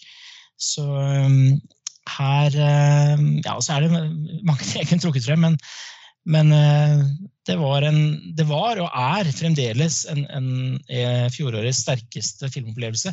Og mener jeg også Vi har snakket om sånne typiske 2020-filmer, koronaår og sånn, med, med sjel og sjel Hva var det andre filmen vi snakket om som var sånn typisk eh, koronafilm? Eh, nå har jeg glemt det i farta. Borat uh, subsequent uh, movie-film? Yes, ikke sant? Og for meg er dette en sånn typisk film som er en slags omfavnelse, mener jeg. Denne, denne skildringen av nærhet, natur og tilhørighet og sånn, som, som føltes ekstra sterkt. da.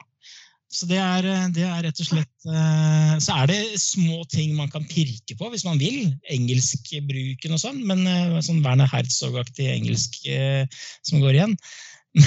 Men, men nei, dette var, dette var, en fantastisk opplevelse. beste filmen for meg i 2020. Jeg skjønner veldig godt hvorfor, hvorfor det er den beste filmen du så i 2020. Den kom høyt opp hos meg også, fjerdeplass. Eh, det er også nok et eksempel på en sånn film som jeg kanskje ikke trodde ville nå så høyt opp da jeg så den. Litt på samme måte som 1917, bortsett fra at den har en mye lavere plassering. Men eh, jeg så Hidden Life, tror jeg, like før pandemi-lockdown i mars.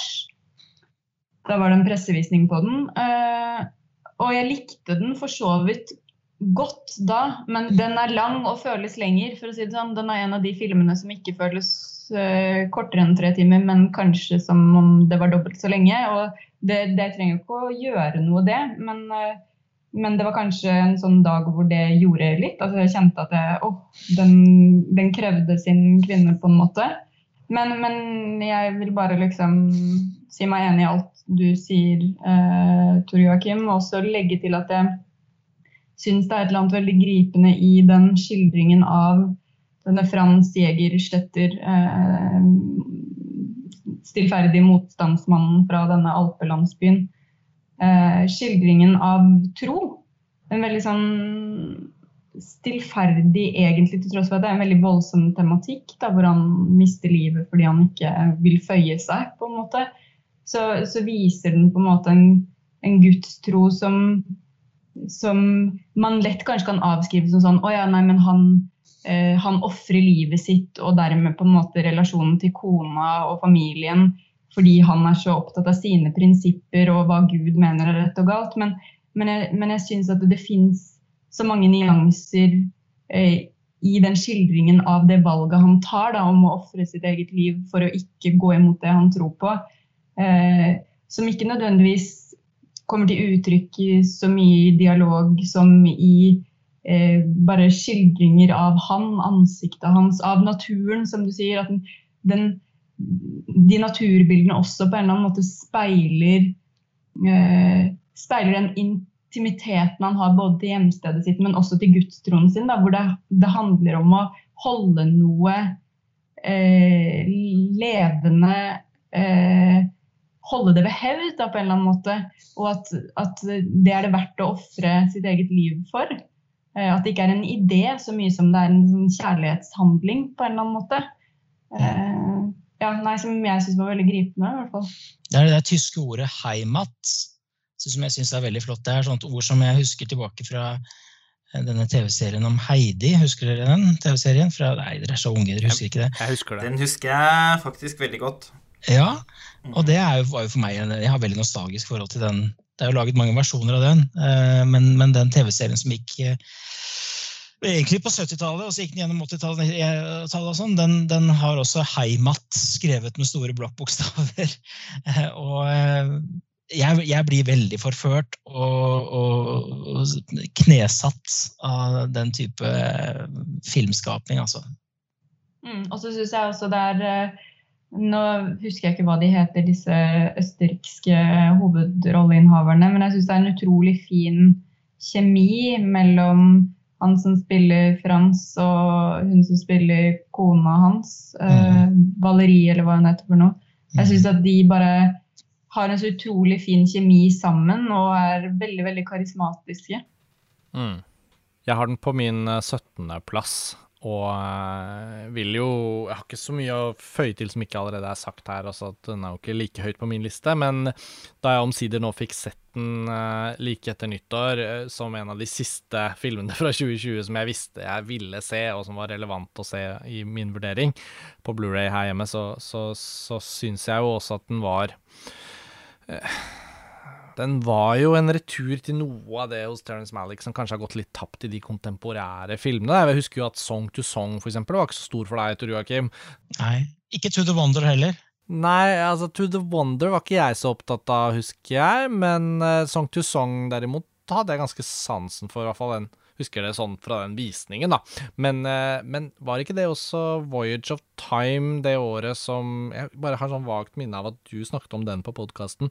Ja, den likte jeg jo in, noen enkeltsekvenser av veldig godt. For Den er jo litt, står jo mm. litt for seg selv på sitt, på sitt vis. Som, det var jo en film Lars Ole og jeg var veldig skuffet over da vi så den i Venezia i sin tid. men det har jo faktisk endt opp med å bli litt sånn at han har Han har jo virkelig pushet formen sin og var i hermetegn greia si veldig langt i de kontemporære filmene, og på sett og vis så var det litt rart å se at han tok et steg tilbake og ble litt konvensjonell igjen. Altså, det høres rart ut å si om Alex som hele tiden uh, forsker i en, en, visualitet som han nå på en måte har virkelig etablert og holdt på i alle filmene. Men det er jo møtet med dette stedet du beskriver, Tor Joakim, som også gjør at denne filmen føles på en måte litt Litt, hva skal man si, litt mer ordinær enn de andre.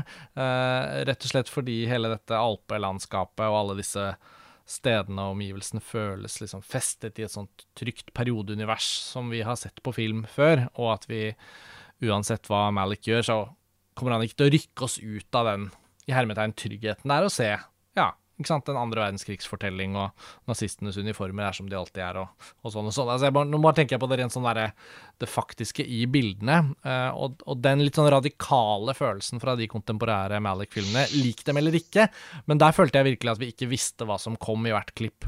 Men vi visste at det kom noen klipp som kom til å rykke oss ut av det stedet vi var, og så kan man jo like eller mislike det. mens den tryggheten som jeg nå prøver å sette litt ord på, den ble etter hvert kanskje liksom litt uti tredje timen der, så kjente jeg litt at filmen ordentlig begynte å virke.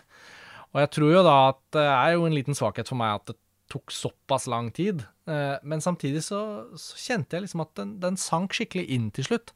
Og så gikk det noen dager, og så begynte det å pirke seg oppover der på listen, og så landet den faktisk på topp 20, da. Men eh, jeg må innrømme at i løpet av den første timen der så var jeg ikke helt overbevist. Og, og, det er jo fint å høre deg sette ord på det også, Tor Joakim. Så det er jo aldri feil at Malik lager disse filmene han gjør. Så vi må jo på en måte ikke ta han for gitt heller. Jeg, jeg, griper, bare, jeg griper, bare, fatt i denne Malik jeg, når, når, den dukker opp. Så vet jeg at neste film kan være en ny song to song-aktig ting. Men uh, ja. Jeg tror neste film handler om Jesus, faktisk. Ja, oh ja. Det blir veldig spennende. Jeg har jo vært veldig fascinert av uh, den samtidstrilogien bestående av To the Wonder, Night of Cups og Song to Song. Mm. Og har vært imponert over den liksom radikale filmspråklige utforskningen han har holdt på med der. Men uh, var jo også på en måte glad for at han skulle returnere til noe litt mer konvensjonelt med gåsetegn i A Hidden Life. Det var i alle fall varslet eh, av Malik selv for første gang. Han ga jo et intervju i forkant av filmen. Det har han vel så å si aldri eh, gjort før. Og jeg så den i, i Cannes, og jeg var fryktelig sliten. Eh, og det var en uheldig måte å, å, å oppleve den på, dessverre. Man tror kanskje at det alltid at kan alltid er verdens beste sted å se film. Men man kan også bli rammet av en sånn festivalfatigue. Eh, og det var tilfellet for min del. Og eh, jeg skylder Malik å gi den filmen en sjanse til. Og jeg begynte på et gjensyn for noen dager siden, men så ble det avbrutt. Og, og så har jeg ikke og jeg kan ikke fortsette da igjen. Da må jeg begynne på nytt igjen. Og jeg skal få gjort det i løpet av de nærmeste dagene. Men eh, jeg var skuffa over at eh, fortellingen for meg liksom ble så på en måte så forutsigbart brettet ut. Altså jeg syns at den litt sånn fugleflaksende, svevende fortellerstilen hans eh, ikke helt på en måte igangsatte noen ekstra bilder for meg gjennom den fortellingen. Eh, og, og at den var veldig, veldig lang. Den har noen partier der, f.eks. hvor uh, han Frans går rundt i noen sånne luftegårder, den ene etter den andre, rundt og rundt. Eh, i, på en måte som der og da opplevdes som endeløst. Uh, og så er det kanskje rett og slett også noe med denne alpiske, litt sånn jodelei-estetikken eh, rundt, rundt, de trebordene som er satt opp der eh, i de postkortvakre landskapene med sånne ølseidler som skåles Oi! Og ser noen sånn eh, gamle menn som hytter med nevene i bakgrunnen eh, mens en voiceover forteller Jeg vet ikke. For første gang så ble det litt sånn for meg at mange av de tingene jeg liker med Malik, ikke helt fungerte for meg. Og det hadde nok også noe å gjøre med den litt sånn europuddingaktige castingen. Eh, det gjelder ikke de to hovedrolleinnehaverne, men eh, en del biroller og sånn der som Og at de snakker Altså, jeg tror også jeg hadde foretrukket at den var på tysk. Ja, det, det må jeg også si meg enig i. Ja. Det, det punktet er jeg enig i. Jeg har snakket om i stad med Werner Herzog-engelsken som de, de, bedriver. Ja, for det er allerede noe Altså, Maliks verbale poesi balanserer allerede på en knivsegg. Den er ofte ganske pompøs. Og når den da ble på gebrokken engelsk, så ble det det Ja, men det er jeg enig i. Det er en av de, de små innsigelsene jeg har mot filmen. Mm. Og i tillegg da så ble jeg litt opprørt over at til og med Terence Malick har begynt å skyte på digital video. Det trodde jeg aldri kom til å skje. Men det skjedde. Så for meg Selv om altså, den er jo åpenbart bildeskjønn, ikke sant, og, den, eh, og det er jo det blir jo helt meningsløst å sitte og, og, påstå noe rundt at den filmen ikke er visuelt fullendt, for det er den. Men den manglet en eller annen tekstur for meg som jeg har rett og slett et litt sånn fetisjistisk forhold til. Eh, selv om det er en urimelig innvending. Eh, så eh, i det hele tatt så, så, så eh, Det ble veldig vanskelig for meg, det møtet med den eh, filmen. Og jeg er helt nødt til å se den eh, nytt igjen i sin helhet med full konsentrasjon. Og jeg håper og tror at den kan vokse på meg også. Eh, jeg har jo erfart tidligere at Malik-filmer jeg har hatt litt problemer med ved første møte, som f.eks. To The Wonder, har vokst veldig eh, ved gjensyn. Så jeg satser alt på det. Med det, Lars Ole, så tror jeg vel vi kan si at vi da er fremme ved, ved førsteplassene som gjenstår. Og der har jo Roskva og du og jeg alle Bong Joon-hos Parasitt. Og min nummer to. Og Parasitt har jo vært der gjennom hele 2020. Den hadde tidlig kinopremiere, eh, vant jo alle sine Oscars, og hadde jo i 2019 allerede vunnet Gullpalmen. Og gjennom 2020 eh, så tror jeg de fleste av oss har kjent på at det skal mye til for at det skal komme en bedre film enn Parasitt. Og for mange av oss så har det jo heller ikke gjort det. Og Lars Ole, når vi oppsummerte alle listene som presenteres på montasje fra alle våre bidragsytere, så sto jo Parasitt igjen på toppen av felleslisten. Og ja dette er også en av de filmene det er blitt skrevet om og snakket om på montasje tidligere. Roskvas nydelige essay burde jo alle inn og lese hvis ikke de allerede har gjort det. Eh, Podkasten fra Cannes hadde jeg gleden av å høre på da jeg ikke var i Cannes selv, og kunne gledet meg til filmen. Eh, hva, er det noen av dere som brenner inne med noe om Parasitt? Jeg føler at det mesteparten har vært dekket inn. Jeg kan selvfølgelig komme med noen egne argumenter, men jeg, jeg føler at det, Nei, eh, det er en sånn rar film, for den har vært i, i bevisstheten så utrolig lenge. Dere, for dere enda lenger, som har sett den i Cannes. Så det er liksom litt sånn rart å, kunne, å skulle snakke så veldig sånn in depth om, om, denne, tenker jeg da. Mm, enig. Jeg hadde egentlig bare lyst til å si én ting, og det er det at jeg så den om igjen for noen dager siden. og hadde bare sett den én gang. Mitt første møte var på filmfestivalen i Bergen høsten 2019. Og jeg visste jo at det kom til å bli et bra gjensyn, det hadde jeg ingen tvil om. Men det var altså kanskje fem ganger så bra som jeg trodde, det gjensynet. Altså, eh, den var om mulig bedre nå enn første gangen. Og første gangen så var jeg jo helt floored. Og jeg hadde jo så høye forventninger som det går an å ha til en film. Ettersom jeg ikke var i Cannes, så var det på en måte bøssen så enorm at det var sånn Men hva slags film kan dette være? Og så var den faktisk enda bedre enn jeg trodde. Og nå ved gjensynet så tror jeg den ble enda bedre igjen. Ja, ja og jeg syns egentlig bare den blir bedre og bedre for hver gang. Ja. Og jeg syns også den var enormt god første gang. Men det var litt sånn kjedelig å bli gira på den når den ble plukket opp av Oscar og alle mulige ting. ikke sant? At det, oi, den, I hvert fall for dere som så den i Cannes, som oppdaga den på en måte første gang. og så måtte man da være overens da, med den generelle eh, beundringen som den har fått i alle internasjonale medier siden. Ja, men Jeg syns det har vært helt uh, fantastisk. Altså, Jeg husker vår spontane reaksjon i Roskva Nei. Jeg husker vår spontane reaksjon i Cannes Roskva var at vi liksom eh, klemte hverandre, tårevåte, av liksom filmglede. Eh, og vi var ikke de eneste som gjorde det utenfor eh, palasset den morgenen.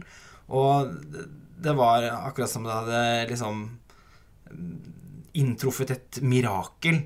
Og den, jeg har sjelden opplevd en så å, å sitte igjen med en så sterk følelse av å ha sett en umiddelbar klassiker.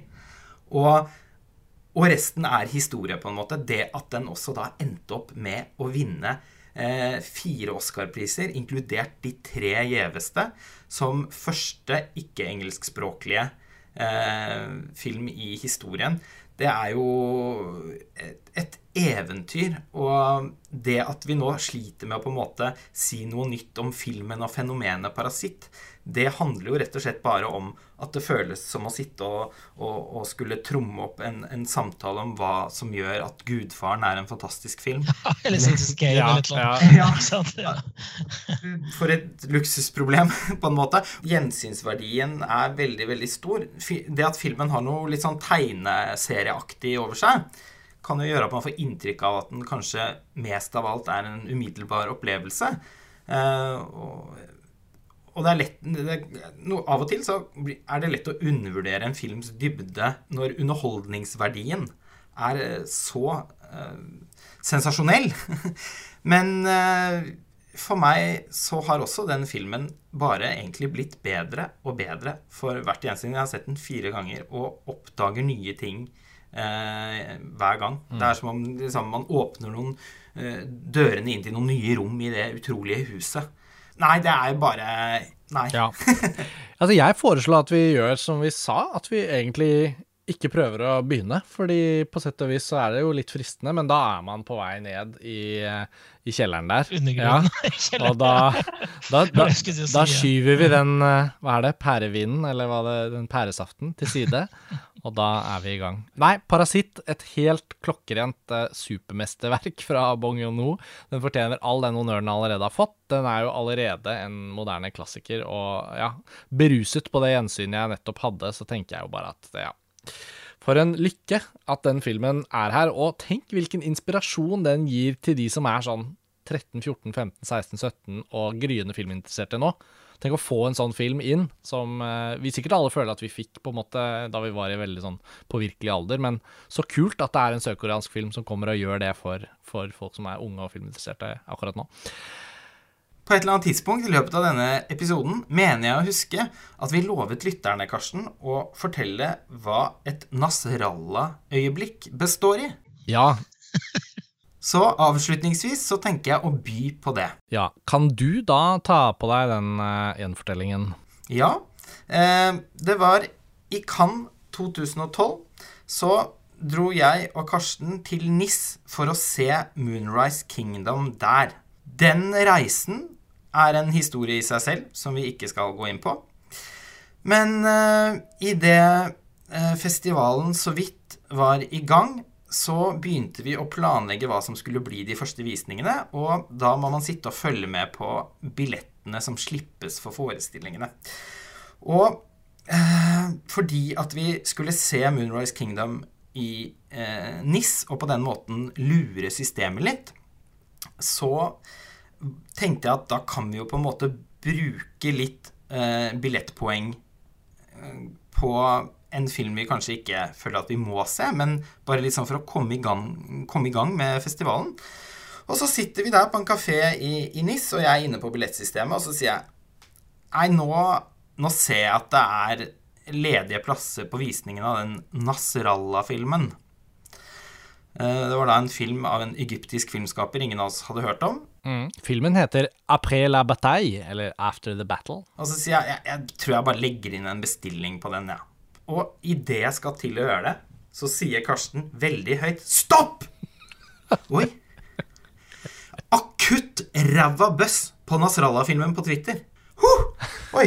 Ja, dodge the bullet. Og så tenkte vi aldri noe mer på den. Inntil vi høsten 2015 eh, var en uke i London for å få med oss et Ho Shashen-retrospektiv på, på Cinemateket der. Da kom vi på Nasrallah og lo litt av den eh, situasjonen. Eh, og så begynte vi å snakke om Mulholland Drive til David Lynch, og at det på det tidspunktet var litt for lenge siden begge av oss hadde sett den eh, filmen. Og så kommer du etter noen minutter Eller du, du, du, du bry, Altså, det, det, reaksjonen din ligner på den rundt kafébordet i NIS. Hvor du sier igjen noe sånt noe som 'Stopp pressen'! Hva er det nå? Nei, dette går ikke. Da hadde du, som du så ofte gjør, sittet med mobilen din og scrollet litt på Twitter. Og så var det en du følger, som hadde retweetet Nasrallah på Twitter, som skrev en tweet om Mulholland Drive. Ja. Og derav uttrykket et Nasrallah-øyeblikk. Altså når noen tilfeldigheter legger seg oppå hverandre på en oppsiktsvekkende måte. Ja. Og det er eh, ikke helt sammenlignbart med ordet et sammentreff. For det er, det er på en måte et, et utvidet, mangelaget sammentreff med flere fasetter som treffer hverandre samtidig. Um, og det er veldig anvendelig. Det er rett og slett en del av i hvert fall vårt vo vokabular, Lars Ole. Og så flott å endelig få delt den anekdoten um, med lytterne våre. En verdig avslutning.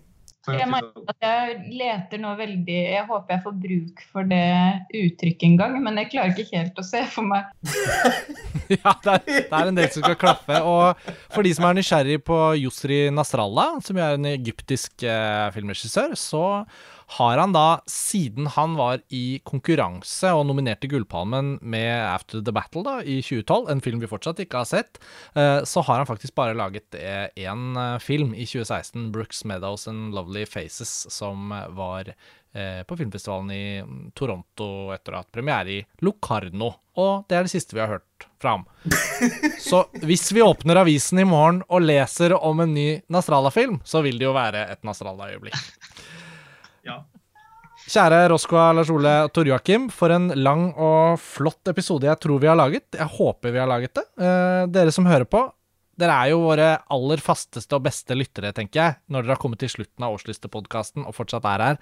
Takk for at dere følger Filmfrelst som dere gjør. Nå er det jo bare opp til dere å komme med deres lister fra de beste filmene dere så i 2020. Kommentarfeltet på montasje er selvfølgelig åpent, og hvis noen har lyst til å sende oss uh, listen sin på mail, så kan dere jo selvfølgelig også gjøre det. Post at montasj.no er da e-postadressen. Jeg tror vi sier at det var det. Tusen takk for denne gang. 2021 er i gang, og vi får krysse fingrene for at kinoene straks åpner i alle deler av Norge og etter hvert resten av verden. At vi i løpet av 2021 kommer tilbake til å dra til internasjonale filmfestivaler. Det kommer ikke til å starte nå i vinter, og det kommer ikke til å skje i mai i Cannes heller. Festivalen er flyttet til juli. Men hvis vi kan krysse fingrene og håpe på vaksiner og andre lykkelige sammentreff, så er det jo mulig at vi er på filmfestival igjen til sommeren. Vi får se. Takk for nå, og ha det bra, alle sammen. Ha det bra. Ha det.